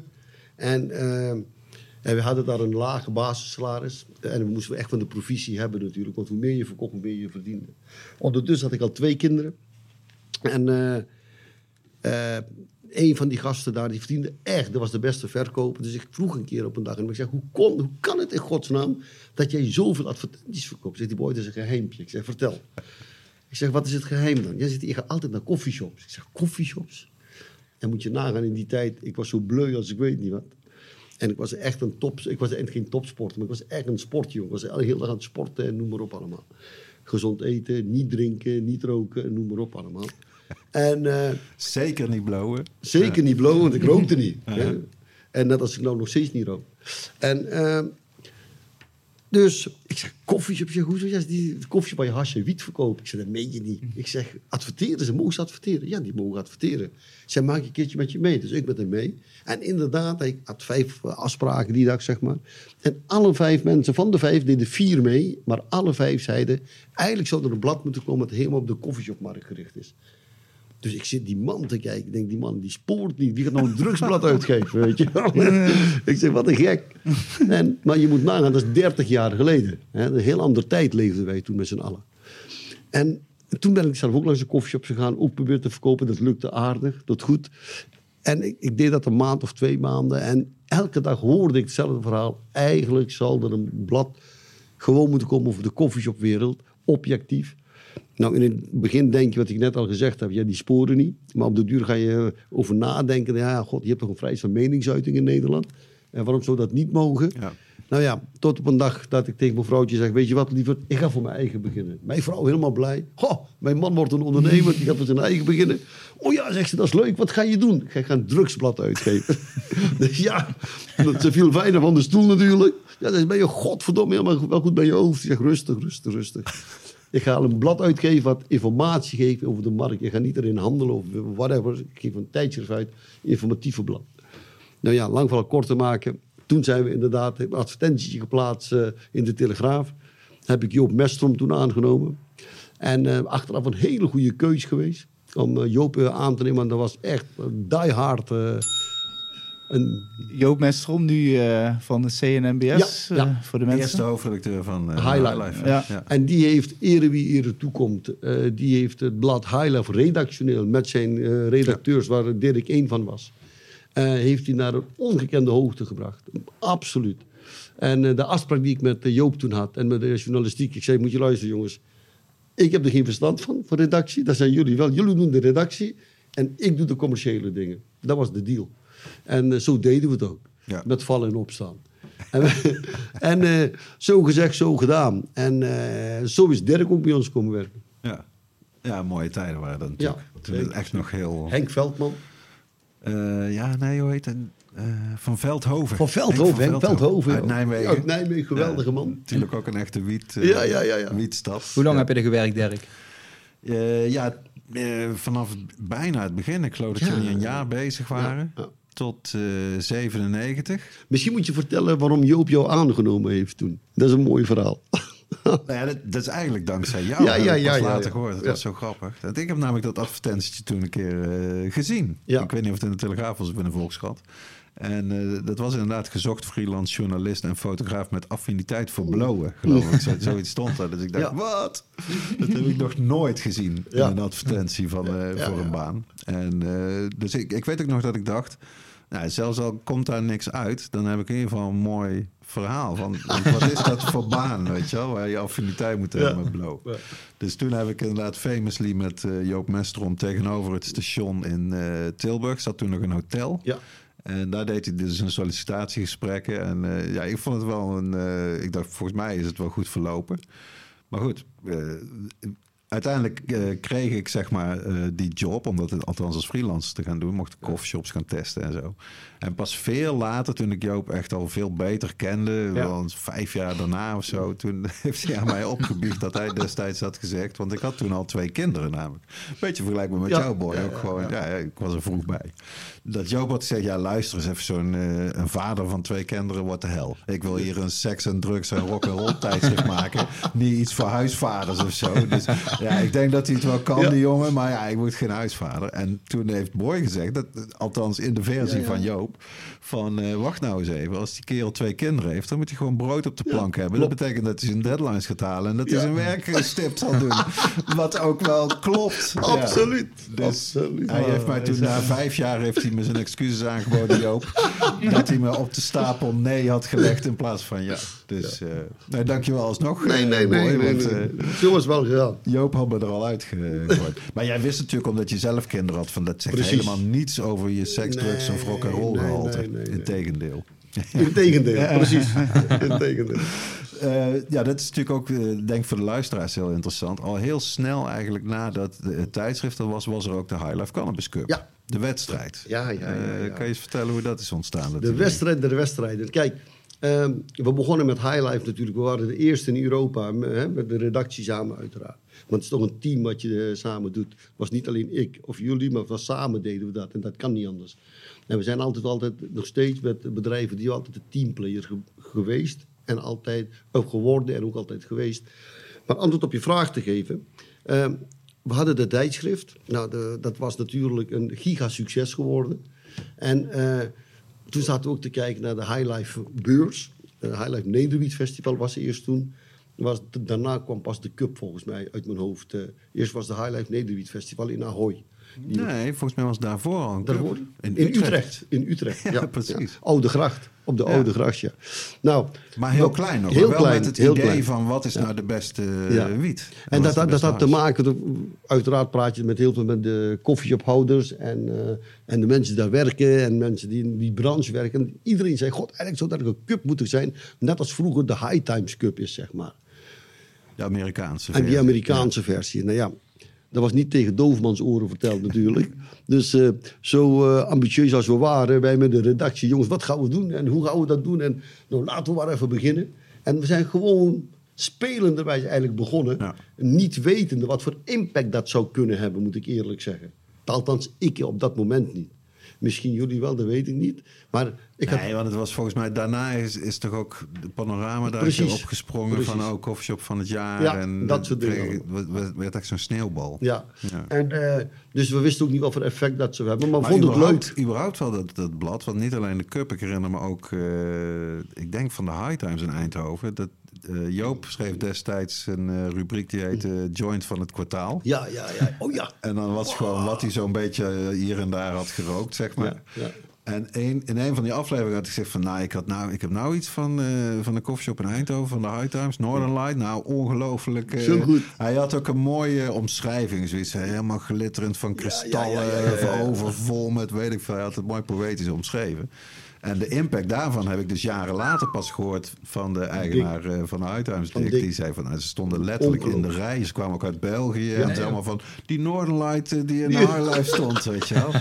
Dus dat, ja, van die soort dingen heb ik vaak pas later vernomen. Maar die impact die was er zeker wel. Giga. Maar wij, wij hadden dat helemaal niet in de gaten in het begin. Wat voor Ja. impact dat had. Maar er was ook niks anders natuurlijk. Hè? Dat, is, klopt. Dat is een beetje opa verteld, maar het was wel zo. het er was was, nog niet internet en er was, Absoluut niet. Maar het is, het is ook geen toeval dat toen wij met Highlife begonnen, eh, Dirk, Dat eh, in één keer, want toen wij begonnen was, je had Sensiseeds, je had eh, Positronics en voor de rest had je volgens mij nog niks uit mijn hoofd. Toen wij met Highlife uitkwamen, kwam ineens de Homegrow Shop in Rotterdam. Ja. En kwam ik in een jaar tijd 10, 20, 30 Homegrow, of ja, zeg maar, grow shops in Nederland. En toen 50, 100, 200. Dus Op de. Absoluut. Dus wij hebben absoluut, met de nadruk, absoluut bijgedragen aan de volwassen worden van de cannabisindustrie in Nederland en in Europa. 100.000 procent. Ja. Dat was ook wel een geval toen wij de High Life Nederwiet Festival gingen organiseren. Dat over heel Europa mensen hier naartoe kwamen in eh, Ahoy, Rotterdam. Was gewoon uitverkocht. ja, dat was bizar. Dat was bizar. En alle pers van de wereld, van CNN tot noem het maar op, alles Japanse was er. televisie. Alles was er. Al- Het was net als Woodstock. Dat ze in Amerika Woodstock gingen organiseren. Zo organiseerden het Nederwiet Festival. En het was zo overweldigend voor ons allemaal. En toen is High, eh, Highlight Magazine door de raket omhoog gegaan. Ja. Omdat heel de wereld kende Highlight Magazine ineens. Ja, dat was inderdaad gek. Ongekend. Mensen konden gewoon niet voorstellen dat je in het openbaar zeg Kon maar, roken ging en- zeggen ja. van eh, wat is de beste Ja. wiet en we gaan allemaal wiet roken. Want dat, dat kon natuurlijk toen ook allemaal nog. Niks rookverbod was er allemaal nog niet. En we dus Ahoy Cyprus- stond helemaal, helemaal blauw in dat Cypress Hill had op. Cypress Hill, eh, Herman Brood, Osdorp Possen. Ja. We hadden daar een Wat een line-up. We hadden Ja, een line-up, jongen. Nou, dat was geweldig. En ere wie ere toekomt nogmaals. Joop is de man die van muziek. Dus ik ging naar Joop. Ik zeg, Joop, ik wil een, ik wil een festival organiseren. Welke muziek moet ik laten komen? Ja, boy, Cypress Hill natuurlijk. Ik zeg, wie is, hoe de fuck is Cypress Hill? Zeg ik tegen Ja, die zeg timing was ook perfect. zeg maar. Perfect, Want ze hadden perfect. net een jaartje, denk ik, zo, dat eh, iconische album uit met Ja. Insane in the Brain Ja. en Ja. al die geweldige nummers van Cypress Timing Hill. was top. Was, was inderdaad perfecte timing. Ja. Maar daar moet ik dan eh, ook ere wie toekomt. Want ik herinner me nog als de dag van gisteren. Dat we inderdaad gewoon een beetje zaten te brainstormen. Zo rond een veel kleiner tafeltje Ja. Als waar we nou zitten. en dat, en dat, dat jij op een gegeven moment zei van... Nou, dan doen we het toch gewoon in Ahoy. En dat Joop en ik al twee zoiets hadden van... Ja, die, die, die gast die spoort niet, weet je wel. Wij willen ook wel een groot feestje geven... maar je gaat toch niet serieus voorstellen... dat je de Ahoy wel vol krijgt met blowers? Nou ja, dus, dus wel, ja. was, was mooi, want ik, ik, ehm, ik kwam bij Mojo terecht. Omdat uh, is Mojo natuurlijk. eh, Die eh, Michael Jackson, U2, Rolling Stones, alles naar Nederland haalt. Want zonder die gasten kun je die grote artiesten niet halen. Dus ik kom daar. En ik vergeet het nooit meer van mijn leven. Ik was op een zomerse dag. Ik was met een vriend van mij, Bertus van Berkel. En, en wij gaan daar naartoe om, ehm, om voor de festival te praten. En er komt ineens een man daar aangelopen met een korte broekje, slippertjes, t-shirtje. Ik denk, eh, wat is dat voor een vent? ik denk, ja, die, moet, die, die doet hier weet ik wat. Misschien ramen wassen of weet ik wat. Maar Die komt naar me toe. Die gaat zo tegen het bureau staan. Hij zei, zo jongens, zeg het maar. Wat kan ik voor jullie doen? Mijn naam is Leo Rademakers. Wat kan ik voor jullie doen? Dus ik denk, oké. Ik zeg, ja, ik zeg maar, eh, wie bent u dan? Ja, zeg, ik ben de eigenaar van Mojo, zegt hij. Oh, bent u de eigenaar? ik zeg, nou, ik wil een Nederwiet-festival organiseren. En hij stond zo. Wat wil jij doen, zegt hij. Ik zeg, ja, ik wil graag een Nederwiet-festival organiseren. Oh, zegt hij. Nou ga ik zitten, zegt hij. Want zulke mensen krijg ik niet vaak hier. Die zulke gekke ideeën hebben om een Nederwiet-festival. En hoe zie jij dat dan, zegt hij tegen mij. Ik zeg, nou, dat wil ik graag in Ahoy doen. In Ahoy, zegt hij. Ja, zegt hij, wacht eventjes. Dit is zo leuk, zegt hij. Hij pakt zijn telefoon. Er waren zo die vaste telefoons nog. Hij belt eh, de directeur van Ahoy. Ja, je gaat het niet geloven. Ik heb hier een meneer die wil een Nederwiet van Ahoy doen. Oh, zegt hij. Wat, zegt hij? Ik zal even vragen. Boy, ben je ooit in Ahoy geweest? Zegt, nee, ik ben nooit in Ahoy geweest. hun lachen, hun lachen. Nee, hij is ook nog nooit in Ahoy geweest. Laat hem maar komen. Dus ik ging daar naartoe met Bertus van Berkel, een maatje van me. En Leon zegt, doe me een plezier. Kom alsjeblieft alle terug, want ik wil jullie, jullie ideeën weten. En ik wil graag jullie, eh, wat jullie gezien hebben. Want dit maak ik niet elke dag mee dat iemand die nooit in Ahoy is geweest... en nog een festival wil organiseren. Ja, we sporen niet. Ja, ja, ja. Dus wij gaan naar Ahoy dadelijk. En ik sta midden in Ahoy. En je denkt, what the fuck, dit is wel groot. Ja, is echt dit, groot, Dit is echt groot. Ik zeg maar, ja, oké. Dus eh, wij naar Leon toe. En Leon komt weer uit de vergadering. Hij zegt, jongens, hoe was het? Ja, goed. Ja, zegt hij, moet je luisteren. Ik, heb hier, eh, ik zit in een vergadering, dus ik, ik maak voor jullie speciaal even tijd. Moet je luisteren. Dit is het papier. Dit kost het allemaal. Ahoy, om te huren. En eh, ik wil volgende week van jou weten, go of no go... en welke artiest je mee wil nemen. Welke we moeten boeken. Ik zeg, oh, Ja, dat is goed. dus ik toen met Joop en jullie gesproken, bla bla, nou, artiesten. Dus ik bel eh, Leon op. Ik zeg, god, we willen Herman Brood, ons dorp Possen. Nee, we moesten er naartoe gaan. Wij daar naartoe. Die en die willen, oké, die gaan we boeken. Ja, zegt hij, maar eh, dat een rekensommetje kost, weet ik, eh, laat het vier of vijfhonderdduizend gulden toen. Dat was heel veel geld, inclusief, inclusief huur. Personeel was 400 totaal, met artiesten was 400.000. Nou ja, ik had geen rode dooien natuurlijk, want ik was net van mijn eigen begonnen. En, dus hoe moet ik nou aan 400.000 gulden komen? En ik was net een huis aan het bouwen. En eh splinternieuw huis. Ik denk, nou, daar gaan we dan. Ja, zegt hij, je krijgt een week de tijd over na te denken. En dan moet je zeggen go of no go. Zeg, ja, dat is goed. Dan wil ik graag voor volgende week donderdag weten. Ja, is goed. Dus wij gaan weg. Ja, zegt Bertus tegen mij, boy, hoe ga je dat doen, man? Ik zeg, Bertus, ik heb geen 400.000 gulden. Nee, dat snap ik, zegt hij, dat je dat niet hebt. Ik zeg, maar eh, laat me maar een paar nachten over slapen en dan ga ik eens even kijken. Dus, en ik moest hem zeg maar woensdag of voor, voor donderdag bellen, weet je wel. Dus ik bel hem op. Ik zeg, eh, Leon, we gaan het doen. Mooi, zegt hij. Dan krijg je de contract toegestuurd, moet je tekenen. En je moet hier op kantoor komen, moet je contract tekenen. En je moet privéborg staan. ik zeg, eh, pardon? Ja, zegt hij, ik wil dat je privéborg gaat staan, want eh, ik ken jou niet. En je bent een beginnend bedrijf, dus ik ga de risico niet lopen. Want Dat betekent, boy, goed luisteren, als verkeerd gaat, raak je alles kwijt. Zo. Ik zeg, ja, dat is wel duidelijk. Ik zeg, maar eh, je, je ziet me hoogwaarschijnlijk wel verschijnen op jouw kantoor. Dus ja, is goed, zegt hij. Dan en dan. Dus ik met Bertus besproken. Ondertussen was mijn nieuwe huis, was, ik was een vrijstaand huis aan het bouwen, was, was een paar jaar bezig. Was er net de dak erop en alles. En ik kom daar bij hem kantoor daar. En ja, zegt die boy, hier is het contract, hier tekenen en hier je privéborgstelling op. Dat je er, als er wat gebeurt, dan gaan we bij je privé halen, als je bedrijf niet kan betalen. Dus ik met mijn ogen dicht getekend. Mijn vrouw wist er helemaal niks van af. Helemaal niks. Dus je moet nagaan. Als het verkeerd was, was ik mijn huisje en alles uitgezet. Alles. Was ik, ik had echt zwart of rood gespeeld. Voor een festival eigenlijk, hè? Ja, het voor even zo zwart Ja, ja, ja, eh, heel goed. Heel goed. Dus ik, ik had de kans mijn tijdschrift kwijt te raken. Ik had de kans eh, mijn huis kwijt te raken. En ik had de kans mijn familie kwijt te raken. Maar waarom deed je het toch? Omdat ik er heilig in geloofde. Ik geloofde erin. En dat doe ik nog steeds. Als ik ergens in geloof, dan kom ik dadelijk op C-Tech, F1 Hybrid Seats, kom ik dadelijk op. Als ik ergens geloof, kan er gebeuren wat er wil. Als ik er geloof, dan doe ik het. En dan zorg ik dat het succes wordt.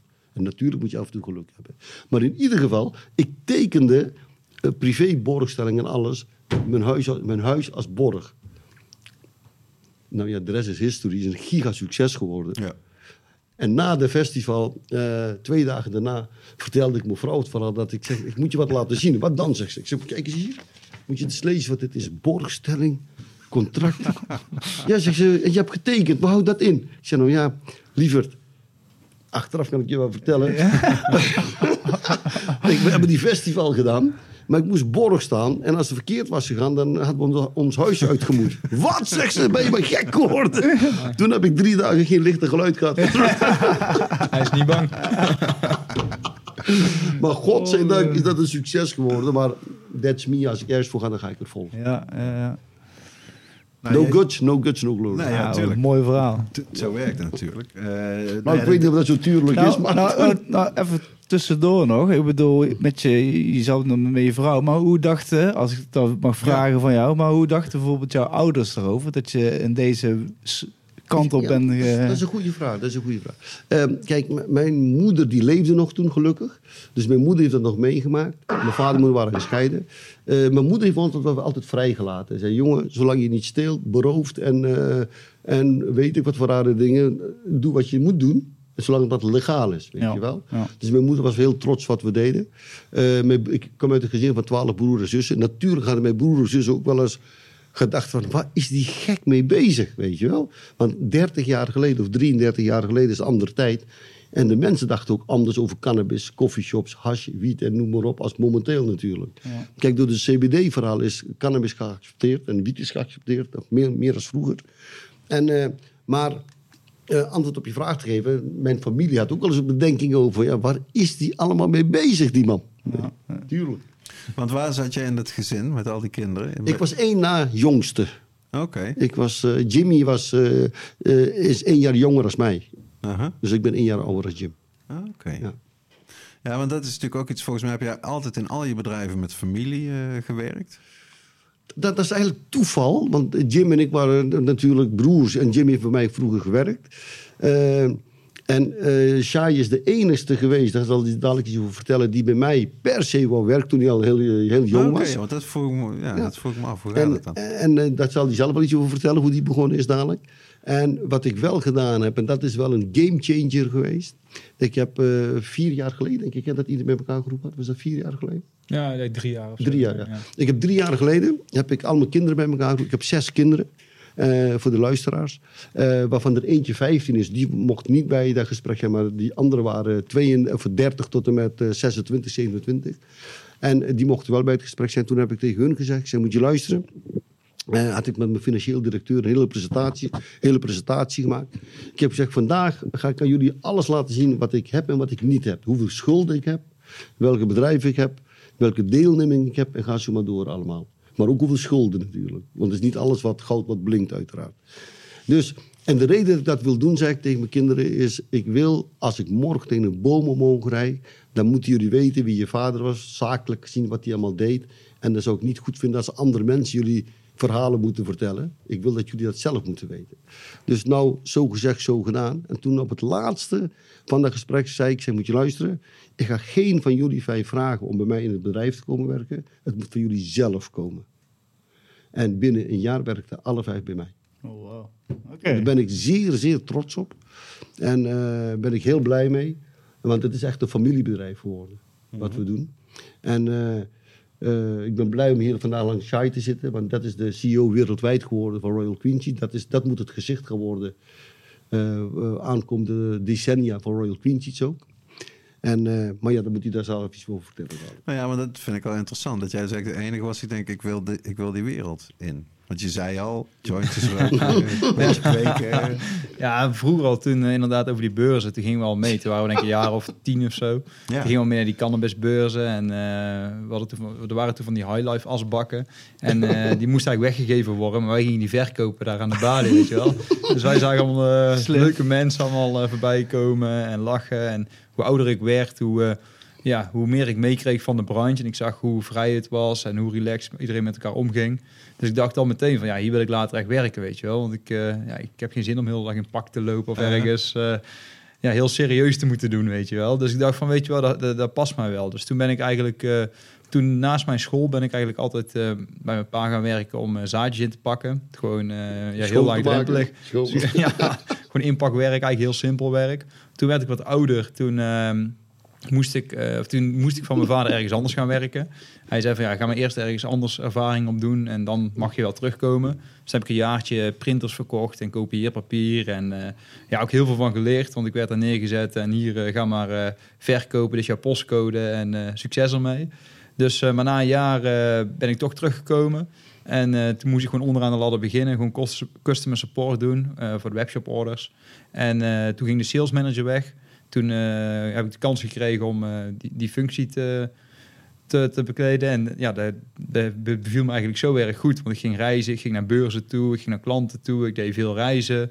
Eh, in die tijd zijn we ook van Nederland naar Barcelona toe eh, verhuisd. Heb ik ook anderhalf jaar in Barcelona gewoond om daar alles mee op te zetten. Dus eh, gigantisch mooie tijd gehad daar. Maar uiteindelijk ben ik terug, terug naar Nederland gekomen. Want ik had hier een eh, vriendinnetje. En die zei ook een keer op een gegeven moment van... ja, of je zoekt daar maar een nieuwe vriendin. Of eh, je komt maar terug, weet je wel. niet in Barcelona. Dus toen kwam... Wie wil dat nou niet? Ja, Ja, ja, ja. die had ik familie en vrienden hier. Dus toen ben ik dat teruggekomen. En eh, toen ben ik eigenlijk vanuit hier gaan werken. En toen was ik een jaar of 23. Dat is nou eh, een goede zes jaar geleden. En toen ben ik een keer het gesprek aangegaan met mijn pa van... Ja, hey, eh, hoe zie jij de toekomst voor je, weet je wel? Ga je binnen nou in vijf jaar stoppen? Eh, kan ik in het, binnen het begrijp- bedrijf gaan groeien? Of hoe zie jij het eh, precies? En toen zei hij van... eh, ja, eh, ik ben nog eh, jong en fit en ik heb er nog zin in en ik wil nog zelf vol gas geven. Dus ja, voor nu eh, blijft het gewoon zoals het nu is. En ik was best jong en ik was eigenwijs en ik had altijd een droom om eh, een, een eigen bedrijf te hebben. Je was eigenwijs. Ja. Dat ben je nou Nog steeds. Ja, nog steeds wel hoor. Dus, op gegeven, maar, dus toen zei ik op een gegeven moment van, eh, ja, dan neem ik ontslag. Dus, hij, eh, dus mijn pa zegt van, ja, eh, die keek me echt aan van, hij maakt een grapje, weet je wel. Dus ik van, nee, ik neem ontslag, dan begin ik voor mezelf. Toen eh, zei hij, ja, waar ga je dan voor jezelf beginnen? Ik zei, ja, ik ga een, eh, een, eh, een distribu- distributiebedrijf beginnen in uh, smartshop artikelen. Dus in truffeltjes, cannabiszaden, CBD-producten. Ik zeg van, ik denk dat er wel handel in is. En hij zegt, nee, er is geen handel in, daar verdien je geen stuiver in. En eh, je mag best weten, ik verdiende best goed bij, eh, toen al bij Royal Queen Seeds. Maar ik dacht echt van, ja, nou ga ik helemaal voor mezelf beginnen. dus ik zei van, ja, ik stop er volgende maand mee en dan, eh, dan begin ik mooi voor mezelf. Dus toen ben ik eigenlijk voor mezelf begonnen in... eh, in eh, ja, die, die, die groothandel in, in smartshop artikelen.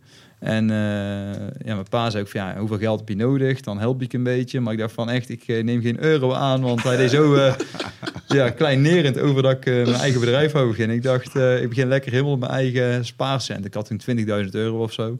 En eh, dus al dat geld had ik toen in een bedrijfje gestoken.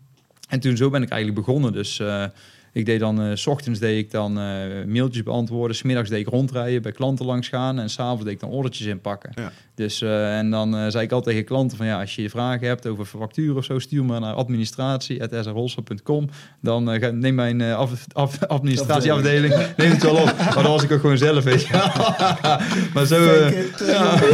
dus, zo ben ik eigenlijk begonnen. En daarnaast gewoon met andere eh, bedrijven is opgesteld, m- merkjes opgebouwd zoals Cannabis Bakehouse. eh, eh, ja, en nog een paar andere ondernemingen. Supplementen? Supplementen, CBD en sport, ja.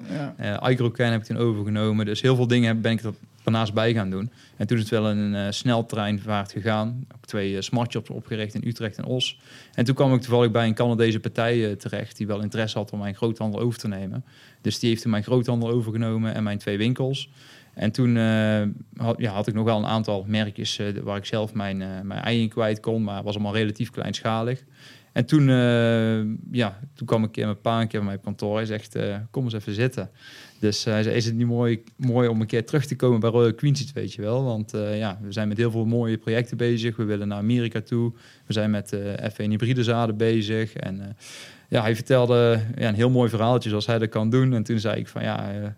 ik moet er even thuis over hebben, maar ja, ik, eh, ik ga het denk ik eh, toch wel doen, ja. Dus nu ben ik eigenlijk sinds juni terug en eh, bevalt wel erg goed. En ehm, Want, want hoe was dat voor jou, die periode dat je uh, Shai al die dingen zag doen? Had je de hele Ik was tijd trots. zoiets? Ik was heel trots op hem. Dat ben ik nog Mhm. steeds. En ehm, kijk, het mooie is, eh Shai is bij ons, ik zei, de- wat Shai net vertelde, ik zei, hij kwam bij ons werken. Ik zei, jongen, ga nou ergens anders werken, want eh, daar leer je het meeste van. Nee, zegt hij, ik blijf hier werken, ik ga nergens naartoe. Ik zei, nee, je gaat weg, ik blijf hier zitten, zegt hij, ik ga nergens naartoe. Dus hij bleef gewoon zitten. En dus, daar, dus heeft het gewoon afgedwongen, op een illegale manier eigenlijk, om bij ons te werken. En, ehm, maar ik ben natuurlijk, omdat je kinderen is en of ze nou putjescheppers zijn of een eigen toko hebben, het zal wel. Maar je bent, als zolang ze lekker in de vel zitten, dat is het enige wat je wil. Ja. En eh, het mooie is, kijk, die kinderen hebben van kleins af aan gezien dat ik altijd bezig was en bezig ben en eh, met van alles en nog wat. En eh, ik ben blij dat ze, als ik ze nou terugkijk op dit moment, ehm, het zijn er drie of vier van de vijf, die zijn gewoon voor hun eigen begonnen. En dat is, ja, daar ben ik super, super dankbaar en eh, blij en trots op natuurlijk. Ja. Ja, geweldig. En, en tuurlijk, het is niet altijd makkelijk om met eh, familieleden samen te werken. Want natuurlijk tegen je vader zeg je veel meer dan, eh, en hij ook tegen mij dan tegen een, eh, Ja. een derde, weet je wel. Mhm. Dus eh, af en toe heb je ook altijd ooit discussies of zo. Dus het is niet altijd even makkelijk. Maar het is aan de andere kant wel heel erg leuk om samen te werken. En eh, mooie nieuwe projecten aan te pakken en eh, successen te behalen. Dus eh, Want hoe was dat toen je zeg maar eh, veel jonger was? Om, ja, je vader is cannabisondernemer. Dat, is een, dat kunnen wij ja, ja, was toen, zeggen. Of, Ja, ik was toen op de middelbare school, was dat wel een dingetje. Want we hadden ook een, eh, destijds hadden we toen een, een coffeeshop hier in Uden. En die heette Aha. Guna Guna. En heel veel, stille kracht. ja, ja. en heel veel mensen die kenden mijn, eh, mijn eigen naam niet. Die noemden mij, hey, Guna Guna, weet je wel, de hele tijd, weet je wel, ja. Dus, eh, maar ja, ik, ik, ik, ik, ik, ik wist, ik wist niet beter. En eh, ja, ik was er altijd alleen maar heel, heel trots op, weet je wel. Dus, maar heel veel mensen keken ook tegenop, want... eh, ja, toen reed hij altijd wel wat dure auto's en vonden mensen altijd interessant. En, eh, dus, eh, dus ik heb er nooit echt negatieve dingen meegemaakt eigenlijk. Oké. Ja, dat is wel bemoedigend om te horen. Ja. Het is toch, weet je wel, je, je woont niet in een grote stad. Je zou je kunnen voorstellen dat mensen negatief op reageren. Ja, maar meestal leeftijdgenoten niet. Mm. leeft, maar het was meer... Dat is wel- eh, dan is het gewoon cool. ja, ja, Ja. zeker. Het was meer ooit ouders van vriendjes of eh, schoonouders of eh, ja, die er wel... Ja, ja, ja. Maar- Ja, dat, Maar zit heel in stemmen te knikken. Rens. nou ja, ik, wel ik heb het ook al mee. meegemaakt inderdaad. eh, dat schoonouders er toch niet zo blij mee waren met wat voor vakgebied ik, eh, in zat. Dan ga maar uitleggen wat je doet, hè? Ja, precies. Ja. Maar even terug te komen, eh, wat je net vroeg en zei. Vooral de kinderen in de zaak. Kijk, een van de redenen dat, we, dat ik het zo gedaan heb. Ik wil niet dadelijk de ondernemer zijn die dadelijk 70 is. En nog steeds achter de stuur zit. Kijk, die markt waarin wij begeven verandert zo vlug, zo snel. Vooral door de legalisatie. Canada, Amerika, Zuid-Afrika. Wat er in Zuid-Amerika gebeurt. En hopelijk dadelijk ook in Europa gaat gebeuren. Helaas zijn we heel later mee, maar Thailand. Thailand niet te vergeten. We hebben daar een winkel. Daar gaan we daar nu over Ja, is goed. En als je... eh, ik wil niet die ondernemer zijn die als hij dadelijk 70 is nog steeds dingen gaat beslissen. Dus vandaar, ik ben nu 57. Ik ben bij Shai toen gekomen, gegaan, wat Shai net ook eh, heel juist verwoord heeft. Ik zeg, moet je luisteren, ik wil gewoon aankomende vijf jaar met je samen dingen gaan doen. En jij moet het gezicht gaan worden, niet ik. Weet je wel? En jij bent de nieuwe garde, jij bent de nieuwe, jij, jij bent de jeugd, jij, jij begrijpt de jongeren en de jeugd beter dan ik. En jij moet het gezicht worden, jij moet de strategie bepalen dadelijk, hoe het bedrijf naar de next level gaan maken. En wel als familie dan, Ja. weet je. Ja, want laten we inderdaad eh, even teruggaan naar de, de rode lijn. Eh, eh, Discover natuurlijk. Ja, En jij hebt het verkocht in 2008. Zo, ja. zo. En ja, rond dezelfde tijd begonnen met Royal Queen. Hoe, hoe ben je destijds tot het besluit gekomen om eigenlijk toch het, het roer om te gooien? Nou, dat is eigenlijk, kijk, André Bekkers, de advocaat, de, de, de beste cannabisadvocaat van Nederland. eh, die kennen we natuurlijk al 33 jaar. Dat is altijd eh, ons advocaat geweest. Eh, in de Tweede Kamer zijn drie keer Kamervragen over mij gesteld. En André is me altijd vertegenwoordigd. En André heb ik later, in de loop der jaren, uiteraard een waanzinnige vriendschappelijke band mee eh, opgebouwd. En eh, op een dag belde André me op, zei die boy, zegt hij, want André schreef ook een column, hè, nog steeds, in de Highlight Magazine. André zei, boy, zegt hij, eh, ik zit de politiek, je weet, ik zit helemaal midden in de politiek, ik volg alles en noem maar op. En ik heb een advies voor je, ga je niet leuk vinden. Ik zeg, vertel, welk advies heb je voor mij? Ja, dat je de Highlight moet verkopen. Ik zeg, wat zeg je me nou? Ik zeg, ben je ben gek geworden? Ik zeg, eh, waarom zou ik de Highlight moeten verkopen? Ja, zegt hij, ik zie heel veel donkere wolken komen. En jij volgt de nieuws zelf ook, je ziet het zelf ook. Er is zo'n antipathie tegen cannabis, hennep in Nederland. En de growshop die nou met honderden tegelijk zijn, die worden allemaal gesloten.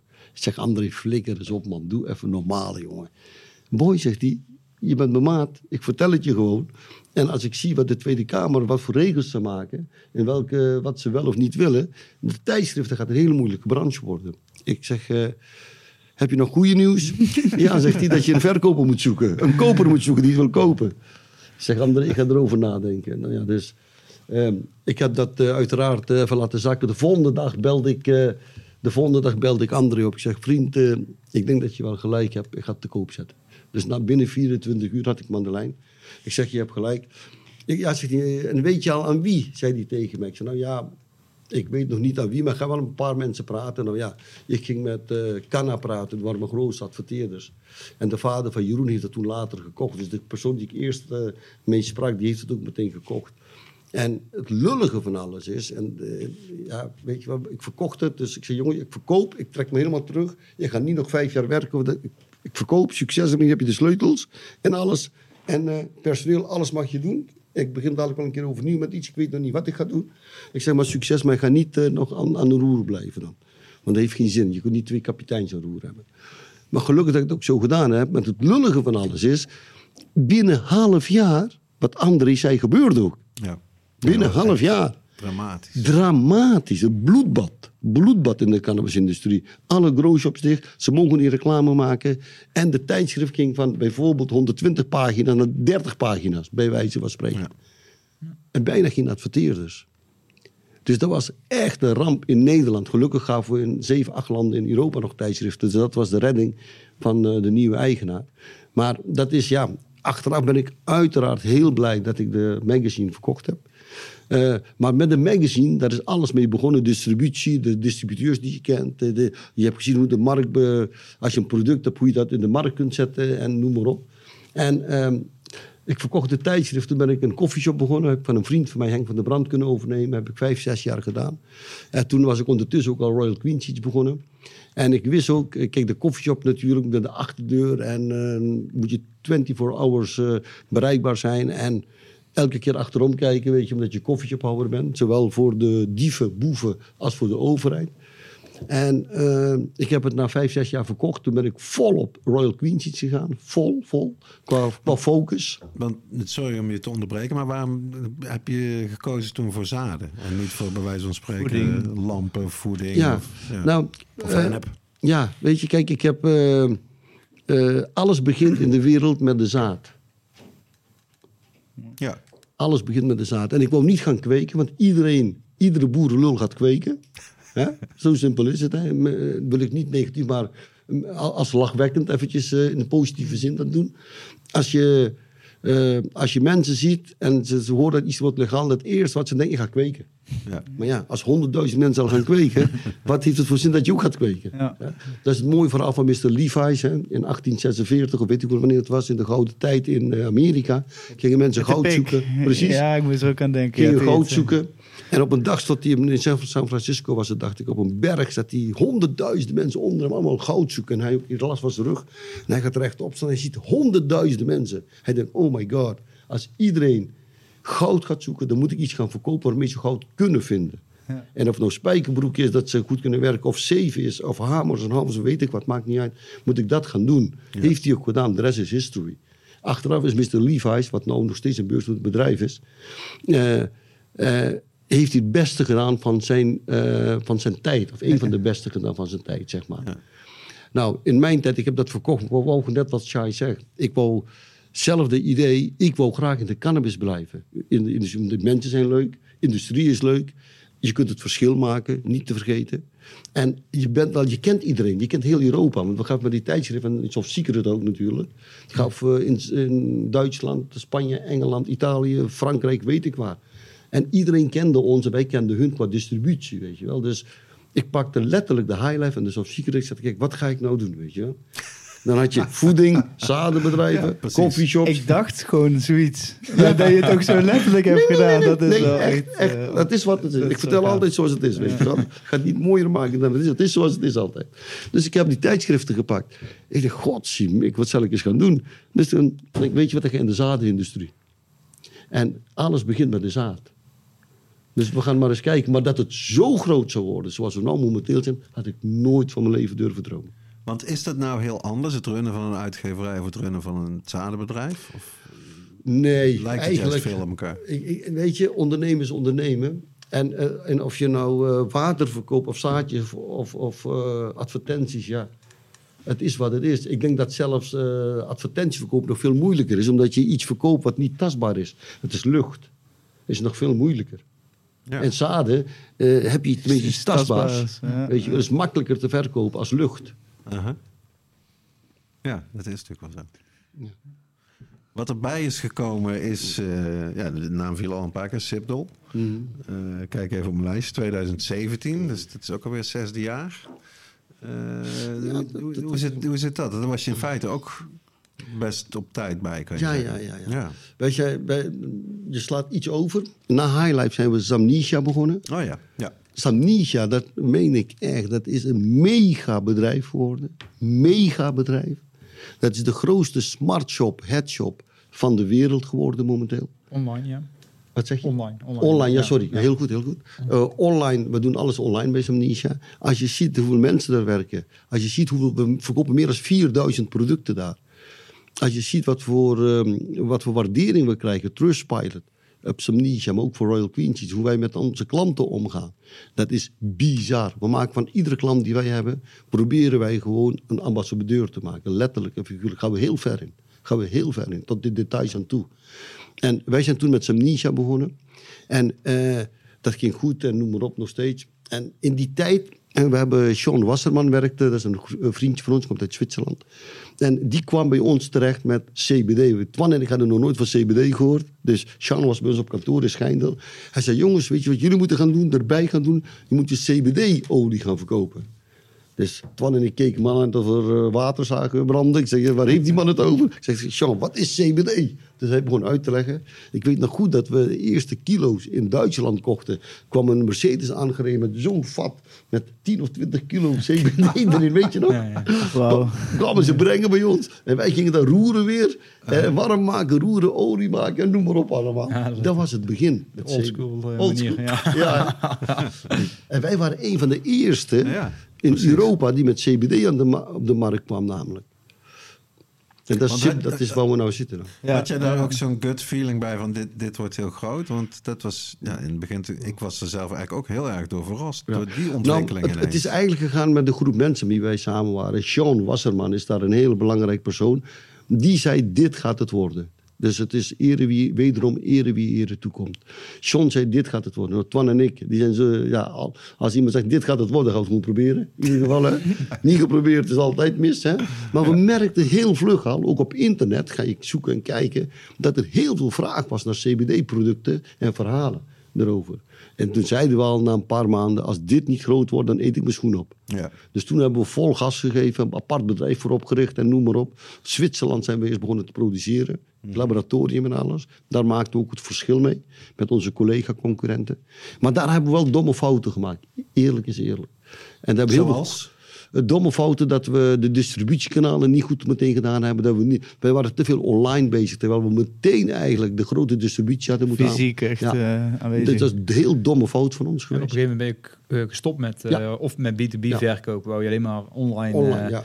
alleen maar online verkopen en, eh, en niet meer naar winkels, distributie, et cetera. En dat is eigenlijk een hele stomme fout geweest eigenlijk. Je moet nagaan, van de een op de andere dag schrapten we 5 miljoen omzet weg. Bam. Zo. 5 miljoen, hè. Zeiden, dat gaan we niet meer doen. En de reden dat we dat niet gingen doen, omdat de mensen wie het verkochten, die gingen onder ons prijs op online zitten droppen, onze producten. Dus je moet nagaan als fabrikant, daar hebben heel veel mensen problemen mee. Als fabrikant verkoop je iets voor 20 euro. En dan verkoop je aan een groothandel, die koopt er voor 10, die koopt er voor 10 euro, ik noem maar even wat. En die, en die gaat het voor 12 euro verkopen, terwijl jij het voor 20 euro verkoopt. Ja, dat moet je niet hebben natuurlijk. Ja, ben je eigen klant aan het concurreren? eh, Snap je? of, Nee, eh, ja. Hun zijn hun producent aan het. Of dat, ja, precies. Ja, dat Weet je wel? gewoon, dus er eh, waren heel veel fricties. En toen hebben we gezegd, nou is genoeg. We hadden heel veel mensen gewaarschuwd. En toen maakten we de legendarische domme fout om 5 miljoen weg te schrappen. ja, daar hebben we nog steeds last van. Ja, weet je, het is inderdaad, dat, daar zijn ook dingen, daar leer je dus ook van, toch? Ja, dat ja. zijn eh, dat zijn leermomenten. Eh, het, kan niet, je kan niet altijd zes gooien. Nee. Eh, nee. Dat is ook weer zo. nee, nee. Dat is ook zo. Dat is, eh, kwam natuurlijk onvermijdelijk bij mij op die vraag. Eh, zijn er dingen, zakelijke dingen waar jullie het over oneens zijn? En het is ook niet eens over woorden. Dagelijks hebben we wel ooit dingen waar we niet met elkaar mee eens zijn. Maar eh, nee. Maar fundamentele dingen? Of, Nee, ja, eh, ik moet jou eerlijk zeggen, toen ik vroeger bij Royal Queens werkte, voor die periode dat ik mijn eigen bedrijf was gestart, toen, ja, toen stond ik er natuurlijk anders in. Toen was het echt zo, eh, ja, Boy was de baas en ik was, zal ik maar zeggen, werknemer. En als eh, Boy rechts zei, gingen we echt rechts af.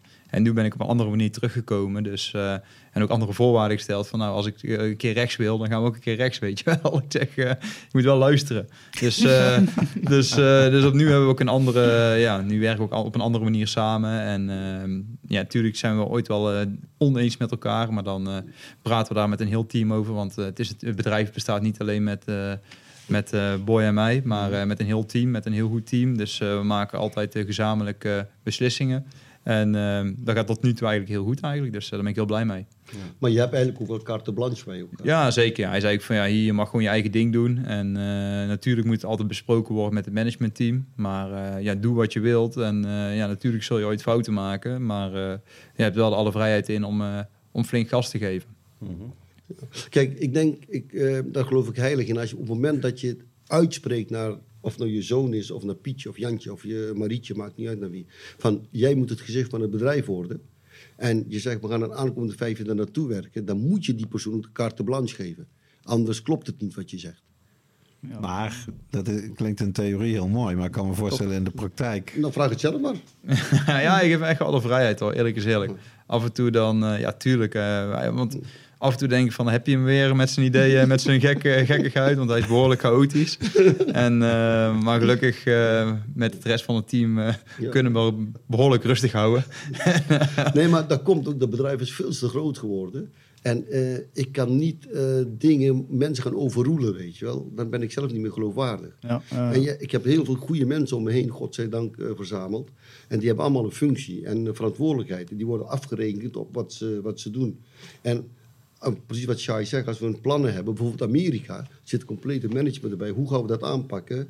En wat is onze strategie? En dan gaan ze maar door. Weet je, want daar kan ik niet meer door, doorheen wandelen. Nee, dit- dat kan gewoon niet. Dus, en een, ieder, zoals je zelf al weet, ieder goed idee wordt gedragen door het team, niet door de individu. Dat, Ja. Dan is nooit een goed idee. Ja. Weet je wel? Ja, ik, denk dat ik het misschien een van de eerste dingetjes wat ik van jou zag, Shai, is dat jij toen naar Thailand eh, bent gegaan. eh, Ja, klopt, ook. ja. Wa- Was dat voor of na Amerika? Nee, dat was voor. was nog Voor echt voor. Amerika, ja. ik begon eigenlijk officieel 1 juni weer. En eh, in 9 juni of 6 juni Ja, was toen eh, in het nieuws dat... eh, de legaliseringsdatum. Nou ja, inderdaad, ja, dat alles gelegaliseerd werd. Eh, op het begin dacht iedereen dat het alleen maar met CBD-wiet of was. En, eh, maar uiteindelijk was het alles, weet je wel. Ze gooiden Ja. alles open. En toevallig hadden wij een goede kennis daar zitten, Lex. En eh, die woont er al twintig jaar. En eh, die heeft een, eh, een vrouw, zij is advocaat daar. Dus eh, toen zei... eh Thaise. of ja, Thijs, eh, vrouw, ja. Perfect. Ja. En ehm, dus toen zei Boy van laten we Lex even een keer bellen. Kijken of hij eh, in is voor een avontuurtje. Allemaal. dus eh, wij Lex gebeld en eh, Lex uitgelegd van eh, ja, wat wij precies deden. Want hij wist natuurlijk wel een beetje wat we deden, maar niet precies. En eh, ja, gevraagd van of hij open stond voor een avontuur om met ons samen eh, heel de Thaise markt open te breken, zal ik maar zeggen. Dus ehm, ja, eh, Lex is op zoek gegaan naar een pand daar om een winkel te openen. Eerst waren we op zoek naar een klein pandje. En Ik toen hadden zeggen, het is niet En, echt klein. en toen, eh, Vijf verdiepingen. en toen, Ja, en ja, toen zei ja, die ja. Sja, ik heb een probleem. Ik heb een, echt een supermooi pand gevonden, maar het is vijf verdiepingen. En dan kunnen we daar iets mee. Ik zei, ja. Ik zeg, ja, dat is wel een eh, flink pand. Maar eh, laten we even een nacht over slapen. En dan eh, bedenken we iets en dan eh, kom ik erop terug. Dus toen ben ik met Lex samen gaan brainstormen. Ik zeg van, weet je wat, als we nou op de benedenverdieping een, eh, een ruimte maken... waar wij dan zaden, wiet en alle andere rookbenodigheden verkopen. Op de tweede verdieping maken we een restaurant en een smoke eh, lounge. En op de derde en vierde verdieping gaan we gewoon zelf kweken. Maken we mooie glazen wanden ehm, Wauw. in de, Ja. eh, op de verdieping. Waar mensen dan ook echt in een wietveld kunnen staan, weet je wel. Dan kunnen mensen ook zien waar een wietje gekweekt wordt. Dus toen zei hij, ja, gi- gigantisch idee man, laten we, daar, laten, we daar, laten we beginnen. Maar ik zeg van, laten we dan wel beginnen om meteen die eerste verdieping eh, open te gooien. Dan kunnen we tenminste wel omzet maken. Ja. En dan zijn we tenminste als, als eerste Europese bedrijf geopend in Thailand. Dus eh, ja, wanneer dan? Ik zei, ja, laten we een datum prikken. Voor augustus moeten we open zijn. Dus eh, dat was eh, ja, toen denk ik nog... Een maand. Ja, een goede maand. En het pand moest alles aan gebeuren. Het was één grote bouwval. Dus ik zeg, Lex, ik, bouw, ik boek mijn ticket vast een week voor die, eh, voor die datum. Ik zeg, dan kunnen we nog altijd kijken wat er moet gebeuren. Maar ik zeg, regel zoveel mogelijk mensen die mee gaan verbouwen. Dat is zo gezegd, zo gedaan. En eh, zo is Lex gaan verbouwen daar met een heel team eh, van Thaise mensen daar. En eh, ben ik ondertussen met zijn vrouw bezig geweest om alle papierwerk in orde te krijgen, om alle zalen daar te krijgen. Want dat is natuurlijk ook nog een heel, een heel opgave. Want ja, in Thailand zelf wisten ze ook niet precies welke regels ze precies hadden. En het was één. Er waren nauwelijks regels. Nee, precies. Die zijn Ja. daarna pas gekomen eigenlijk. Dus toen wij, dus, maar uiteindelijk, ik kwam daar aan. Het was nog steeds één grote bouwval. En ook de dag van tevoren, ik dacht, hoe gaan we hier ooit morgen open? Maar uiteindelijk is het ons toch gelukt. En hebben we ontzettend veel media-aandacht gekregen. Er waren eh, bijna duizend mensen op de opening. Eh, het was één groot succes. Royal Queen Seat Store gewoon. De Royal. Queen Seat Store. Dus eh, dus als je midden in Bangkok bent, ja, je ziet het meteen ook. Iedereen die er, die er komt, die, ziet, die komt wel een keer langs, langs onze winkel. En het is echt gigantisch mooi. En de opening was helemaal top. Echt heel veel media-aandacht gekregen. Eh, zowel vanuit binnen Thailand, maar ook eh, vanuit hier Europa. Iedereen die ik sprak, die had alleen maar over onze winkel in Thailand. Hoe wij zo snel daar eh, de winkel hebben kunnen openen. En eh, ja, nu toevallig pas, echt nou deze maand gaat pas de, de derde en vierde verdieping open, de kweekruimtes. Omdat alles, ja, het was zo'n groot project. En, eh, maar de eerste plantjes komen er, ik verwacht binnen nou en twee weken in. Dus ja, dus, en nou is het heel erg spannend wat er gaat komen de komende, de komende eh, maanden. Want eh 14 mei zijn er eh, opnieuw eh, verkiezingen. Dus eh, dan kunnen mensen weer stemmen. En eh, ja, dus even spannend eh, welke richting het ingaat. Maar ik verwacht niet dat het eh, teruggedraaid gaat worden, maar wel dat het iets strenger wordt.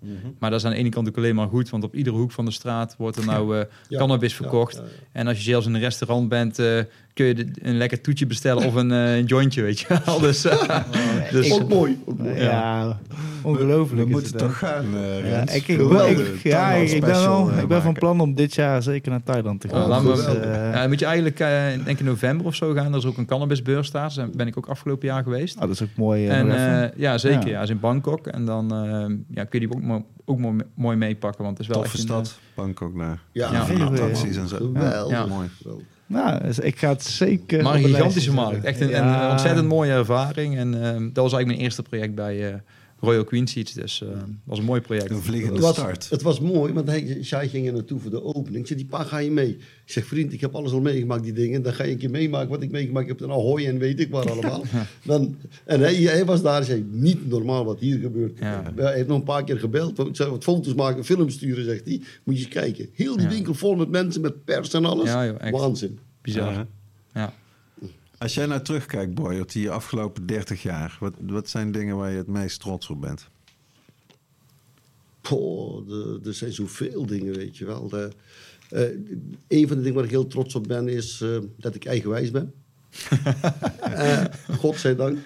En een van de dingen waar ik heel trots op ben, is dat ik hele goede mensen om me heen heb verzameld. Hele goede. En eh, dat is ook een kunst natuurlijk. Hè. Dat is heel moeilijk is dat om goede mensen aan je te binden.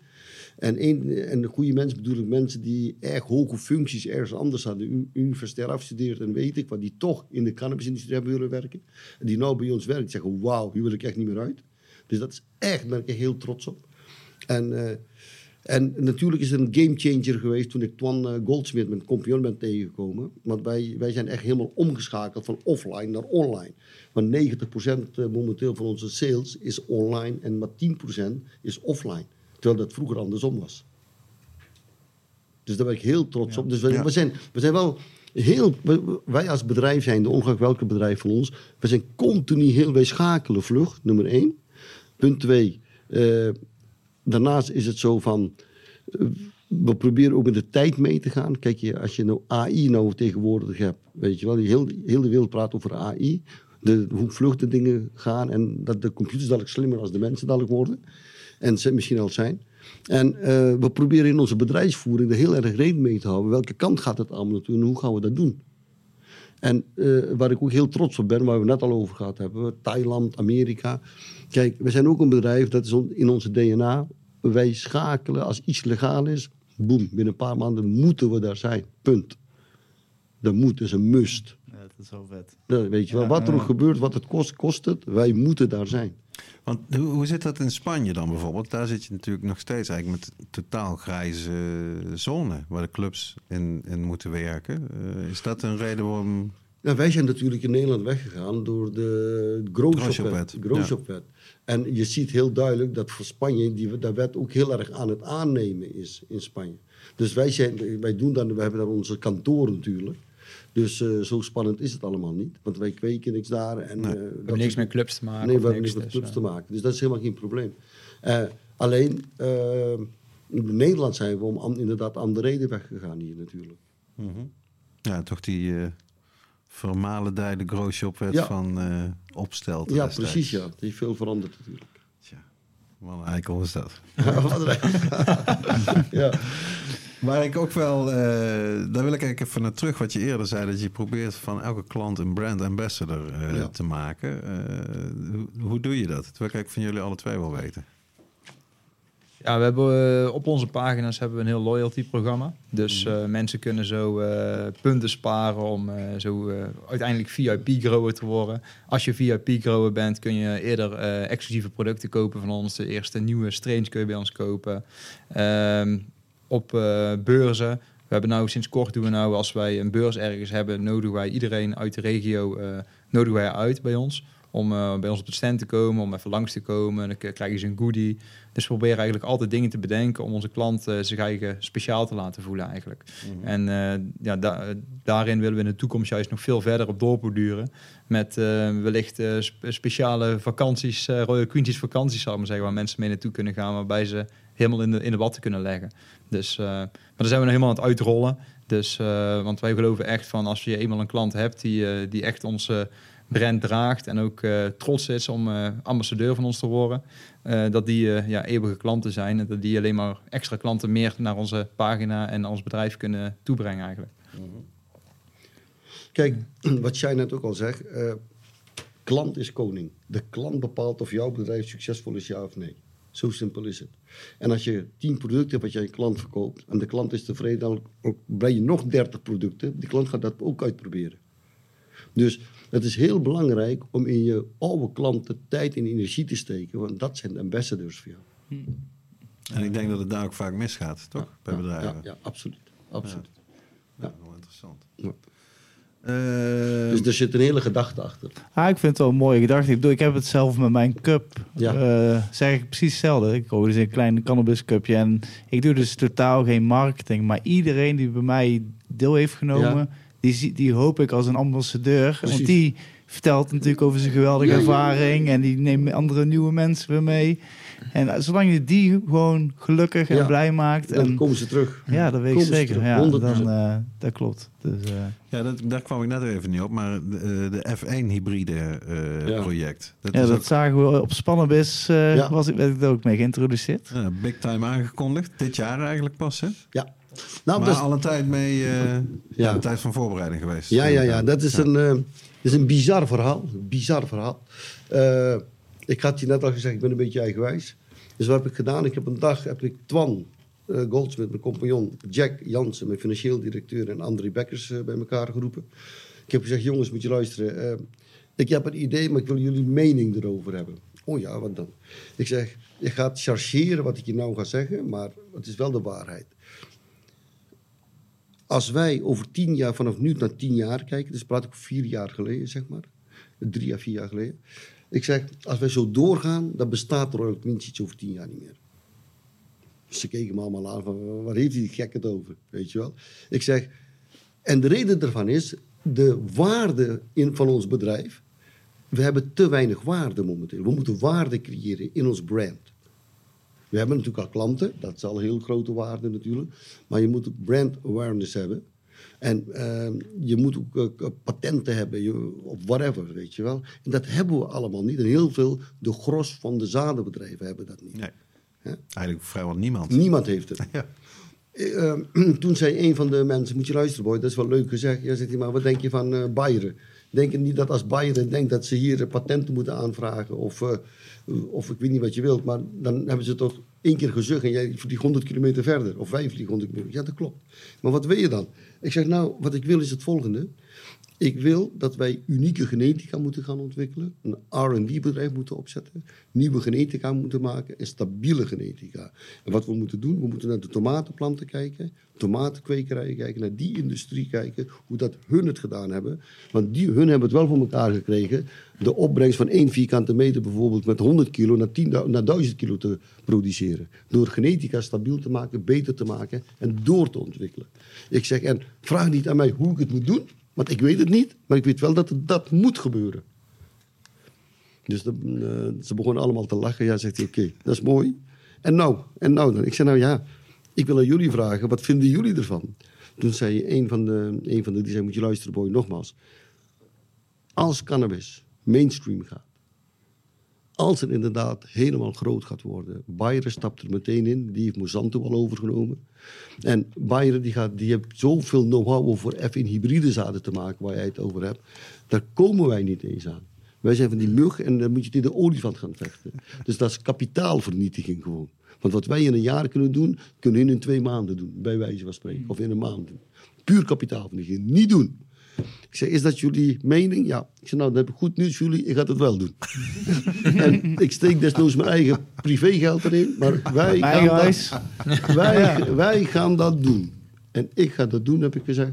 Ik zeg, en kijk jullie wat ik ga doen. En als iedereen wil springen, dadelijk van harte welkom.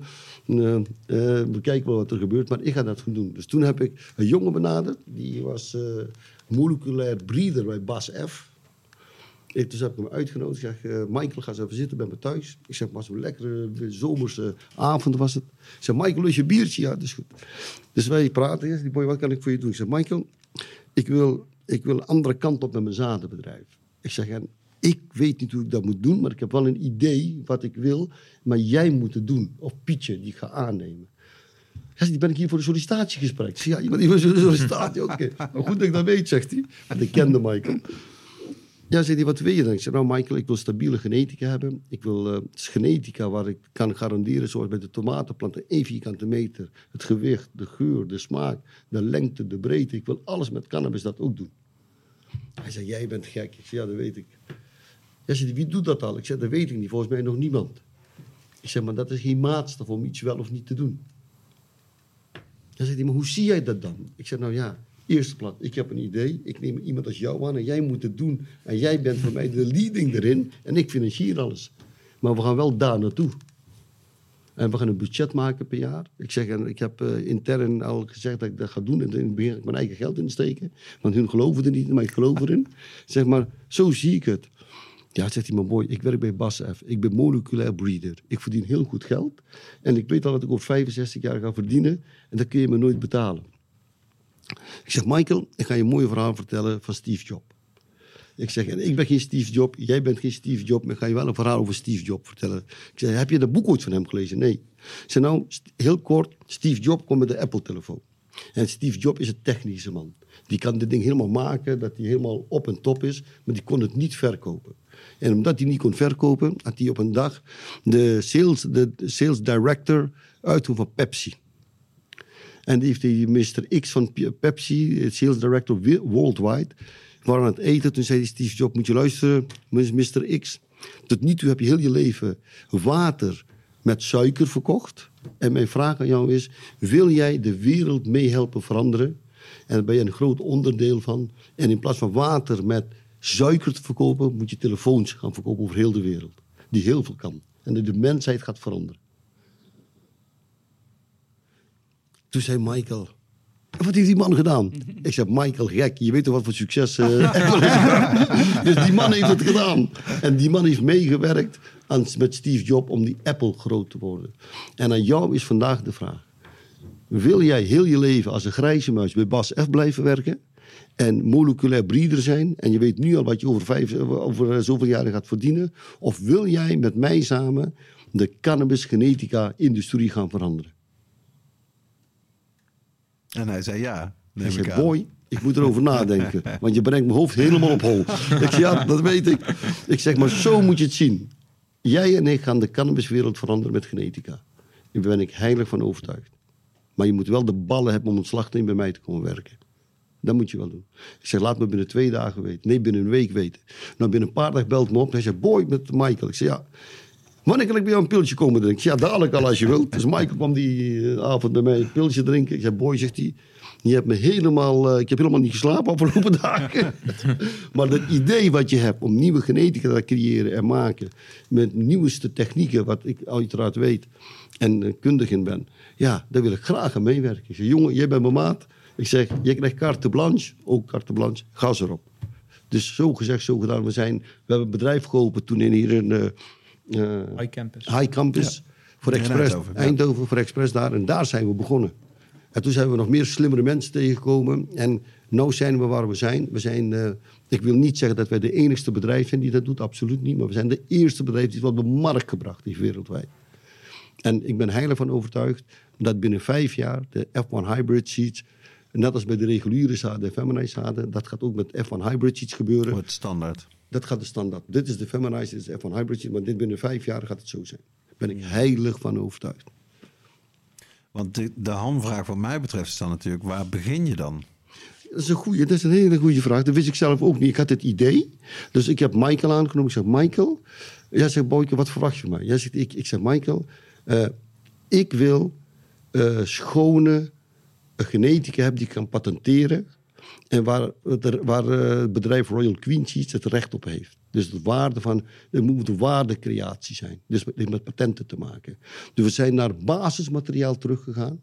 Gekruist en noem maar op. En we hebben bedrijven overgenomen in Amerika. Die er ook al mee bezig waren. En daar staan we nou ook. Dus we hebben mensen bij elkaar gebracht die daar al verder mee waren. Die hebben we overgenomen. En wij hebben onze genetica bijgedaan, ook weer gekruist met eh, om beter te maken. Dat we ook onze eigen identiteit erin hebben. Nog patenten zijn we bezig ermee. En op een, zaad, op een plant kun je 20, 30, 40, 50 patenten aanvragen. Geur, smaak, eh, eh, gewicht, eh, noem maar op allemaal. Dus daar zijn wij mee bezig. Want dat is enorm duur per soort. Dit is mega. Dit is een Ja. mega operatie. Dus ik ben blij dat je dat even dat aanhaalt. Dus toen mijn compagnon en mijn financieel directeur zagen wat er allemaal gebeurde, dat we toch wat stappen gingen maken, toen werden ze ook enthousiast. maar eh, kijk, weet je wat het is? Eh, als je een uh, cannabiszadenbedrijf hebt, je moet wel het verschil maken. En in ieder bedrijf die we hebben, probeer ik verschil te maken. Try to be unique. Hè? En wij, omdat het niche-markt is, kun je verschil maken. Toen wij de tijdschrift uitgaven voor Highlight Magazine en dergelijke, maakten wij ook het verschil. Ja. ja, dat is het voordeel van een branche die relatief jong is. dus, Precies. Maar dan moet, je, eh, moet je nog steeds ballen hebben om het te doen. Ja. Er waren zoveel mensen die zaten te kijken, die deden niet. En idem dito hero, in deze zadenhandel zitten biologen, zitten veredelaars, zitten weet ik wie allemaal. Maar ze hebben niet gedaan wat wij doen. Terwijl juist over wat die hun het eerder zouden doen. Ja, nou ja, ik- hoe ik erover denk is die plant die is zo moeilijk vast te pinnen. Die plant die, die ontglipt zeg maar bijna alle categorieën. En om te Wij zeggen, hebben het gedaan. dit- Wij hebben het gedaan. Ja, maar dan kan je je nog steeds afvragen. Er komen zoveel nieuwe hybriden steeds uit. Wij zijn natuurlijk ook net eh, uit Spanje terug. Eh, nou, wat je daar allemaal weer op het menu ziet staan, weer totaal anders bijna dan het jaar daarvoor. Ja. En dan kan je je afvragen, eh, blijft dat niet altijd zo? Bijna als een mode, dat er gewoon allerlei snelle kruisingen opkomen en hup, dit is dit jaar in de mode en dat is volgend jaar in de mode. En dan zit jij zeg maar met jouw Ik ben blij dat je dat voorbeeld... F1 hybride. Ik ben blij dat je dat voorbeeld aanhaalt. Eh, als je gaat terug naar de tomaten. De, de beste tomatenzaden, die kun je niet kopen. Ja, die zijn duur hè? Nee, nee, die zijn niet te koop. Oké. De fabrikanten die het maken, die brengen altijd één à twee. eh, zo- ze brengen altijd de soort op de markt. Terwijl ze de beste in de kluis hebben liggen. De beste ligt Oké. in de kluis. Dit is echt een. Dat wist ik ook niet, kwam ik later achter. Toen ik met heel grote tomatenjongens, eh, die even redelaars gesproken had. Zei die boy, we doen tomaten, spinazie, eh, weet je wat ze allemaal deden. Ja, komkommers. De best van ieder product is gewoon niet te koop voor de mens. Die ligt bij ons in de kluis. En die brengen wij, dus we brengen altijd de tweede of derde keuze, zeg maar. Wat al heel goed is. En, en de beste brengen we pas op de markt. Als we zien dat de concurrent met iets komt wat beter als ons is. Wauw. Dat is een filosofie, hè, dat Ja. die grote tuinjongens allemaal doen. Dus bij ons idem dito. Wij hebben nou even in hybride markt gebracht. Zijn dat heel goed. Maar de beste ligt bij ons in de kluis. Ja, precies. En voordat die eruit komt als een andere F eh zadenbank, een F1. eh, Die, be- vergelijkbaar is met ons, dan komen we daarmee. En ondertussen zijn we al aan het eh, veredelen voor die nog beter is wat in de kluis ligt. Ja. Ja, dus, altijd eh, innoveren. Ja, el- ieder jaar komen we met drie à zes, denk ik, zei je? Denk- Ja, ik denk zes jaar. Ja, zes, ja. Drie à zes soorten komen op de markt. ja, Ieder jaar. dat is wel cool. Zo blijven ze toch de mode creëren. Ja, Ja, en hoe zit dat? Want dat lijkt me ook erg belangrijk eh, als je het hebt over marketing. Hoe kom je aan- die namen? Hoe zit dat proces van die strainnamen? Ja, daar hebben we ook met het hele team hebben we daarover gebrainstormd. Want we kwamen echt met helemaal iets unieks. Dus we konden eigenlijk nergens echt naar eh, ja, Refereren. ja, refereren, zal ik maar zeggen. Dus toen dachten wij van, weet je wat, eh, ja, we hebben nou eigenlijk het, het nieuwe hoogst haalbare gehaald. Eh, ja, wat, er, wat er te halen is in, ja, in, in de cannabis-industrie eh, betreft zaden. Dus toen dachten we van, nou, het is wel leuk om iets met eh, het heelal, sterren eh, ja, te doen. Dus zo zijn we eigenlijk bij die namen gekomen. Zijn we een beetje gaan brainstormen. Dacht van, nou, laten we deze namen aanhalen. En, en die namen zijn bijna ook oneindig, zal ik maar zeggen. Dus we moesten ook iets bedenken in een categorie waar je heel veel verschillende namen Ja, in kan vastleggen. Ja. Dus vandaar dat we eigenlijk daarmee mee zijn gekomen. Maar in, in zekere zin ook wel weer heel innovatief. Dat je zegt, we gaan niet eh, min of meer aansluiten bij wat er is. We noemen het biscotti of Nee. we noemen het eh. OG. Weet je Nee. wel? nee, nee, nee. Echt iets heel anders. Ja. Is ook wel, ja. Ja, was wel, waren wel wat discussies over op het begin, maar... eh, ja. Maar het is wel goed ook hè, dat je altijd goede discussies hebt. ja, ja, zeker. Ja, Je hoeft niet altijd met elkaar eens te zijn. Ik bedoel, dan kom je, krijg je de beste oplossing. Precies. Ja, eh, Toch? door wrijving komen diamanten, toch? Toch? Ja, Ja, ja, ja. Nee. Erik, heb je nog een spannende laatste vraag voordat Nou, we, we we... hebben het al een klein beetje, is het al aan bod gekomen, maar dat is toch eh, altijd goed natuurlijk als laatste vraag. Hoe, hoe zien jullie de toekomst van cannabis en de toekomst van de industrie? En dan eh, laat maar bij Shai beginnen, want eh, die, die dat, jeugd heeft, dat is de toekomst. heeft de toekomst. Bedoel je binnen Nederland of binnen wereldwijd? Globally. Ja, ik denk dat het dadelijk eh, binnen nu en ja, weet ik hoeveel aantal jaar zal het overal denk ik gelegaliseerd worden. Vooral als je ziet dat Duitsland nou er al, over aan het spreken is. En ja, zodra Duitsland eh, legaliseert, zal de rest van Europa ook wel legaliseren. En in welke vorm is nog, eh, nog de vraag. Ik denk wel een beetje dezelfde vorm als, als zoals het in Amerika is. En ehm, ja, ik hoop dat ze het dan wel hier iets anders aanpakken dan Amerika. Want als je daar een bedrijf hebt in de cannabisindustrie, dan eh, moet je zoveel taxen Ja. erover betalen. En eh, je kan je kosten kun je niet, eh, hoe noem je dat? Je kosten kun je niet Aftrekken. aftrekken. Ja. Dus dat is eigenlijk best wel oneerlijk tegenover andere branches.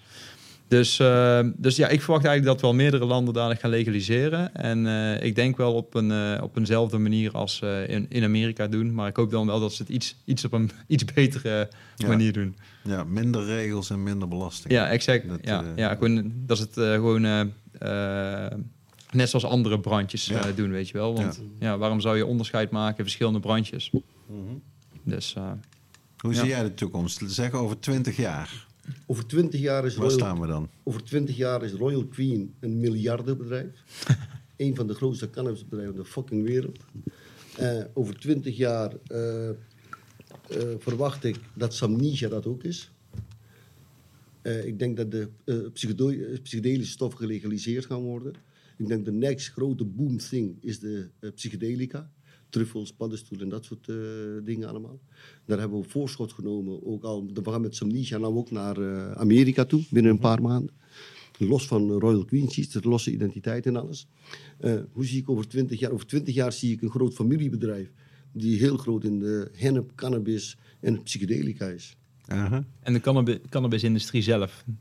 Ja, precies. Ja. Dat wordt de suikerhandel, net als eh, alles wat legaal wordt. Dat zal net als de wijn en de sigaretten gebeuren. gebeuren. Dus heel veel eh, eh, belasting erop, kwaliteitscontroles. Eh, het wordt, zal een kopie worden van de wijnen en de tabaksindustrie. Ik denk dat heel veel mensen de tabakindustrie over gaan stappen op de cannabis, hennepindustrie. Eh, in welke vorm dan ook. Ik denk dat de edibles, waar we net al over gehad hebben, dat gaat een vaart krijgen. Eh, ik denk dat cannabis, CBD en dat soort dingen, hennep, heel veel in eten, drinken, gemengd CQ-producten getest gaat worden en verkocht zullen worden. Dat Denk je dat mensen over 20 jaar gewoon nog een topje wiet eh, kopen in een winkel en een stukje hash? Of nee, niet? ik denk dat mensen gewoon heel veel edibles gaan gebruiken. Omdat het roken steeds, toch steeds slechter in het nieuws komt. En mensen toch ook eh, veel langer willen leven, gezonder willen leven. Kijk maar naar de voedingsindustrie. En ik denk dat het eh, roken zal altijd blijven. Maar dat zie je nou al dat het steeds minder wordt. Dat mensen, dat heb ik in, nogmaals in Amerika, een levende lijven kunnen zien en meemaken. Veel, steeds meer mensen gebruiken het gewoon als, eh, als een eh, snoepje of iets anders. En toch het effect te hebben. En ze weten dan nog precies hoeveel, hoeveel milligram ze moeten hebben. Nog veel beter zelfs. Wat denk jij, Shaik? Gaat het topje wiet en een stukje hash overleven of niet? Over 20 jaar? Ja, tuurlijk. Blijft altijd overleven. Net zoals eh, Boy al zegt. Je hebt altijd mensen die echte liefhebbers zijn om een lekker jointje te roken. Lekker old school. Maar eh, ja, dus dat zie je wel in de trend in Amerika ook. Ja, er worden daar zoveel edibles verkocht op dit moment. En, eh, ja, dat En iets als vapen bijvoorbeeld, is dat toch...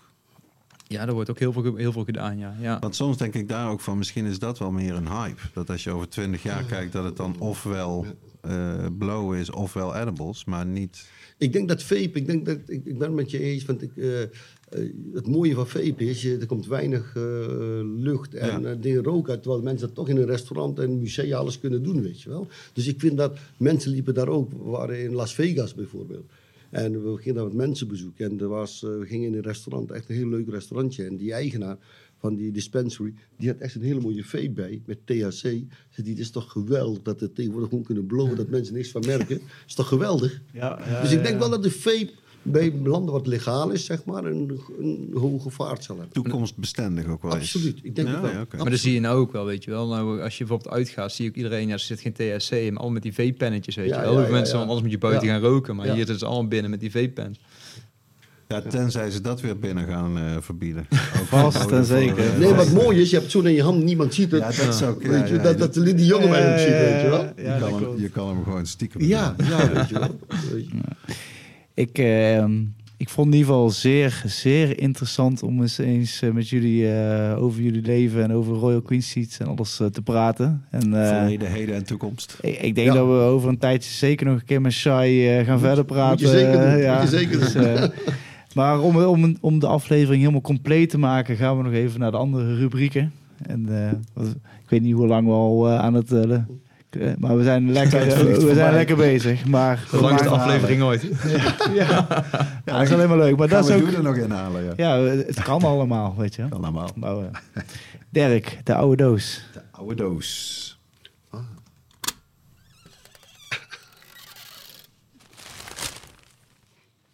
Ja, dankzij de website eh, Delver, eh, dat spel je met PH, voor de mensen die dat ook eens willen proberen, heb ik eh, een van de allereerste artikelen, denk ik, die er ooit over jou zijn gepubliceerd, eh, Boy, en over Nee. High Life, teruggevonden. Nee, nee, Ja, in eh, Dagblad Trouw van 12 augustus Ja. 1991, ik weet het nog. eh, in de rubriek eh, Mensen op maandag. Heel kort stukje was dat. Nou, dat valt eigenlijk wel mee. Ja? Ja, want ik heb het, ik heb het uitgeprint Oh, zodat ik er een stukje uit wauw. voor kan lezen. Het is eigenlijk best wel lang. In- en in ieder geval de tweede alinea wil ik eventjes met jou en met de, de luisteraars delen, want het is schitterend. Boy Ramzahai, 25, tevens de geestelijk vader van Highlife, ziet er met zijn goed gesneden pak, bij passende stropdas en moderne haarkoep niet uit als een doorsnee koffieshopbezoeker. Hij komt er dan ook uitsluitend beroepsmatig over de vloer. De joints laat hij dan rustig aan zich voorbij gaan. Ik heb vroeger wel een keertje gebloot, bekent hij. En dan resoluut, maar nu doe ik dat niet meer. Ik rook helemaal niet. Eh, Nog en steeds, dan- nog steeds. Niks Ja, veranderd. Ja, nee, niks veranderd. Niks En veranderd. we spreken dus augustus 1991. Hè? Wauw. En eh, dan zeg jij... eh, we zijn van plan om een vergelijkend onderzoek te doen... naar de kwaliteit van de Nederlandse coffeeshops. Net zoals er voor restaurants Michelin-sterren bestaan... moeten er ook kwalificaties voor coffeeshops komen. Daarbij willen we niet alleen naar de kwaliteit van de stuf kijken... ook de aankleding van de zaak is belangrijk. En de smaak van de koffie natuurlijk. Dit onderzoek zullen we uiterst gedegen aan moeten pakken. Coffeeshophouders hebben lange tenen. Dat staat vast. Geweldig toch? Ja, dat vond ik geweldig om te lezen. Dat je dat toen ook al door had gewoon. Terwijl, Ja, want ja, 91, ja, dat is nog, nog heel, heel vroeg. Ja, ja, ja. Geweldig, geweldig. Mag ik even kijken? Ja, tuurlijk. Kwartaalblad voor hashroker. Oh, leuk zeg. Ook hashroker. Ja, Ook ja. typisch dat het niet, Oh, weet je wel. Toen mooi, was het ook vooral nog. Toen eh, was er gewoon alleen hash. Waarschijnlijk, ja. wauw, wauw, wauw, wauw. Geweldig, geweldig, De geweldig. oude doos. Leuk, leuk. Hij kan weer dicht. Ja, en zoals elke eh, aflevering gaan we naar reacties van luisteraars. Ja, we vragen altijd de luisteraars of dat ze een leuke reactie of dergelijke, of een eh, suggestie of een vraag of wat dan ook hebben. En eh, dan kiezen we er altijd eentje uit en die behandelen we en eh daar sturen we een leuk pakketje naartoe op. En eh, deze keer heb ik een eh, vraag van de heer P. Eh, ik hou zijn e-mailadres eventjes... eh, De heer P, wie kent hem niet? en, eh, maar een tijdje geluk heeft hij deze, eh, deze reactie geplaatst. Eh, beste Haiti podcast. Tijdens de, buiten, tijdens de buitenkweek episode met gasten B van Plantarium, denk ik, hadden jullie het over een Limburgse thuiskweker genaamd De Kroon. Deze naam kwam ook al te sprake tijdens de aflevering van La Chanvière. Heeft u toevallig deze persoon zijn Instagram-accountnaam of een ander medium waardoor ik wat van zijn kennis kan opdoen? Alvast bedankt en verder geniet ik enorm van de uitzendingen. Met vriendelijke groet, P. Nou, schitterend En- compliment. Dank daarvoor, eh, P. Ja, en eh, ik vind het ook leuk, want ik, eh, ik ken de, heer De Kroon ook erg goed. En het De is een, heeft ook een aantal keer meegedaan met mijn cup. En een zeer, zeer goede thuisteler. En ik vind het een hele goede suggestie. Ik zal ook hem inderdaad zijn Instagram doorsturen. Maar ook, we gaan De Kroon vragen om een keer ook achter de microfoon te schuiven. Is altijd leuk om wat uh, thuistip teel- eh, tips te krijgen. Absoluut. En, eh, en het is een hartstikke mooi figuur. Dus eh bedankt, in ieder geval P, bedankt voor je inzending. En eh, ja, goede suggestie. We gaan En, het eh, eh, opvolgen. Er komt een prijzenpakketje. Ja, jouw daar gaan, op. we, daar gaan we voor zorgen. Oké, het, la- eh, het laatste, laatste rubriekje. Onze, met onze favoriete jingle. Het Haiti Podcast. Kweekhoekje. Ja, de lente is eh, weer begonnen. En eh, daarmee de tijd om eh, te zaaien natuurlijk. Ja, ja. Voor de buitenkwekers onder onze luisteraars. Zaden van onze sponsor Seedstockers of van Royal Queen Seeds of van Karma of eh, welke zaden je ook maar eh, van, van welke zadenbank ook eh, hebt gekregen. Het is nou zeker, als je hier naar luistert, echt wel het moment om, om te beginnen met die zaden om te gaan kiemen. Want, ja, want anders dan ben je er te laat bij. Eh, nou ja, de grap is natuurlijk wel een beetje. Jij hebt al onthuld, Shai, dat je vroeger eh, eh, wiet ging kweken. Wat, wat was, zou jouw tip zijn aan beginnende thuiskwekers, eh, gebaseerd op eh, jouw Ja, hoe- ervaring toen? Hoe ik vroeger begonnen ben, was eh, ik had een starterskitje gewoon gehaald bij onze, ja, bij onze eigen Royal Queen Seeds. En eh, daar ben ik eigenlijk mee begonnen. Daar stond alles in hoe ik moest beginnen. En eh, het waren gewoon autoflowering eh zaden. Dus eh, heel makkelijk eh, om gewoon in je eigen tuin te kweken. Dus eh, dat ga ik dit jaar ook weer doen. Ik ga thuis eh, dit jaar eh, de F1 hybride zaden proberen in mijn eigen tuin. Het zijn ook allemaal autoflowerings. Dus eh, lekker makkelijk, alleen maar water geven. En als ze een beetje zon hebben, dan, dan komt het al snel goed. Dus... dus daar begin ik de, dit jaar mee. En eh, easy going inderdaad, gewoon auto's. Ja, gewoon auto's. Ik ben zelf veel in het buitenland en eh dan kan mijn vrouw kan ik gewoon water blijven geven. Dan eh, hoef ik, eh, hoef ik geen moeilijke trucken te doen. Dus eh, ik vind het gewoon leuk om even te kijken hoe het groeit en, eh, en doet. Dus eh, Ja, tuurlijk. want Zeker als het je eigen product is. ja, zeker. Ja. Ah, ik denk dat het wel een zeker ook een goede tip inderdaad is. De autoflower eh dingetje. Ik bedoel, ik heb het nou eh, vier, vijf keer ook in mijn tuin eh, proberen te kweken. En echt de enige die echt goed bij mij klaar waren altijd, waren de autoflowers. En eh, dan had ik tenminste nog iets te roken. Want voor de rest was het altijd eh, toprot en eh, Ja. huilen. Ja, en qua weer, ze kunnen ook wat hebben, weet je wel. Als het een dat. keer iets, iets minder weer is, een weekje, dan gaan ze niet meteen kapot. En, eh, En dus, ze hebben weinig tijd nodig natuurlijk. Precies, ja. ja. Dus eh, een beetje geluk je zelfs twee keer eh autoflowers zetten in Nederland. Dus eh, Ja, nee, dat denk ik absoluut wel. Ja, Ja. ja, Ja. zeker. Dus eh, voor de beginnende thuisteler, autoflowers. En eh, daarna, eh, you can take it a step further. Natuurlijk. Ik, ik, ik heb een vraag, ik ben benieuwd. Ehm, hoeveel procent denk je dat de autoflowers in Nederland verkocht worden en hoeveel procent denk je de, de gewoon normale feminine? Ik denk nou, ik denk dat het eh, steeds populairder wordt. Maar ik denk dat je nu op, denk ik, ik denk dat je wel 40% zit. 40 procent wat? Van je Auto. totale zadenaanbod. 40, eh. wat denk jij? Ja, ik hoop... Ik hoop... eh, ik, word hier, ik word hier stiekem beïnvloed. Nee, nee, nee, nee, nee, want ik, ik weet niet of hij dichtbij zit of niet. dat weet ik niet. Ik dacht 40, 60. Ja, ook 40, 60. Zoals, hij, Ja. zoals Rens dat zegt. Ja, daarom werken wij samen, weet je wel. Oh. We, we hebben vaak... eh, Nou, ik moet zeggen, jullie zitten er heel dichtbij. Om een idee te geven, met Royal Queens ver, verschepen wij per dag plus minus 1200 verpakkingen per dag. Dus bestellingen, dat is heel veel. Dus we hebben een reële beeld. Statistisch, ja, We klopt. hebben een reële beeld, hebben wij wat mensen kopen. Momenteel, in Europa heb ik het over, is 50-50. Oké dan. Als je heel, over heel het land, oh, heel het jaar bekijkt, is 50-50. En de automatics, die worden steeds beter van kwaliteit.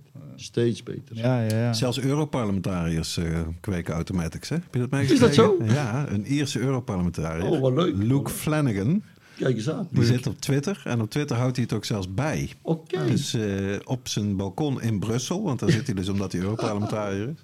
Daar, eh, hij heeft volgens mij ook de naam genoemd, maar in ieder geval dat het dus een autoflower is. En eh, ja, hilarisch. zullen we eens een pakket Geen- opsturen? Ja, ja, doe maar. Dat zou Ja, zijn. dat is wel de moeite waard, denk ik. Ik denk dat hij dat, eh, hij kan het zeker waarderen. Ja. Moet je doen, Jay. Moet je, moet je Ja, even dat de naam pakken en Ja. dan moet je even regelen. Luke Ming Flanagan. Ming is zijn, is zijn bijnaam. Oké. We zetten hem anders ook wel in de show notes, eh, Rens. Ja, ja, dat doen we zeker. En ook voor ja, alle luisteraars, als jij nog een vraag, een tip of een goed verhaal hebt, eh, hebt over, eh, over thuisteelt, ja, laat het ons weten. Gebruik de comments bij Instagram of mail naar eh, info en podcast.nl en dan podcast met een T geschreven.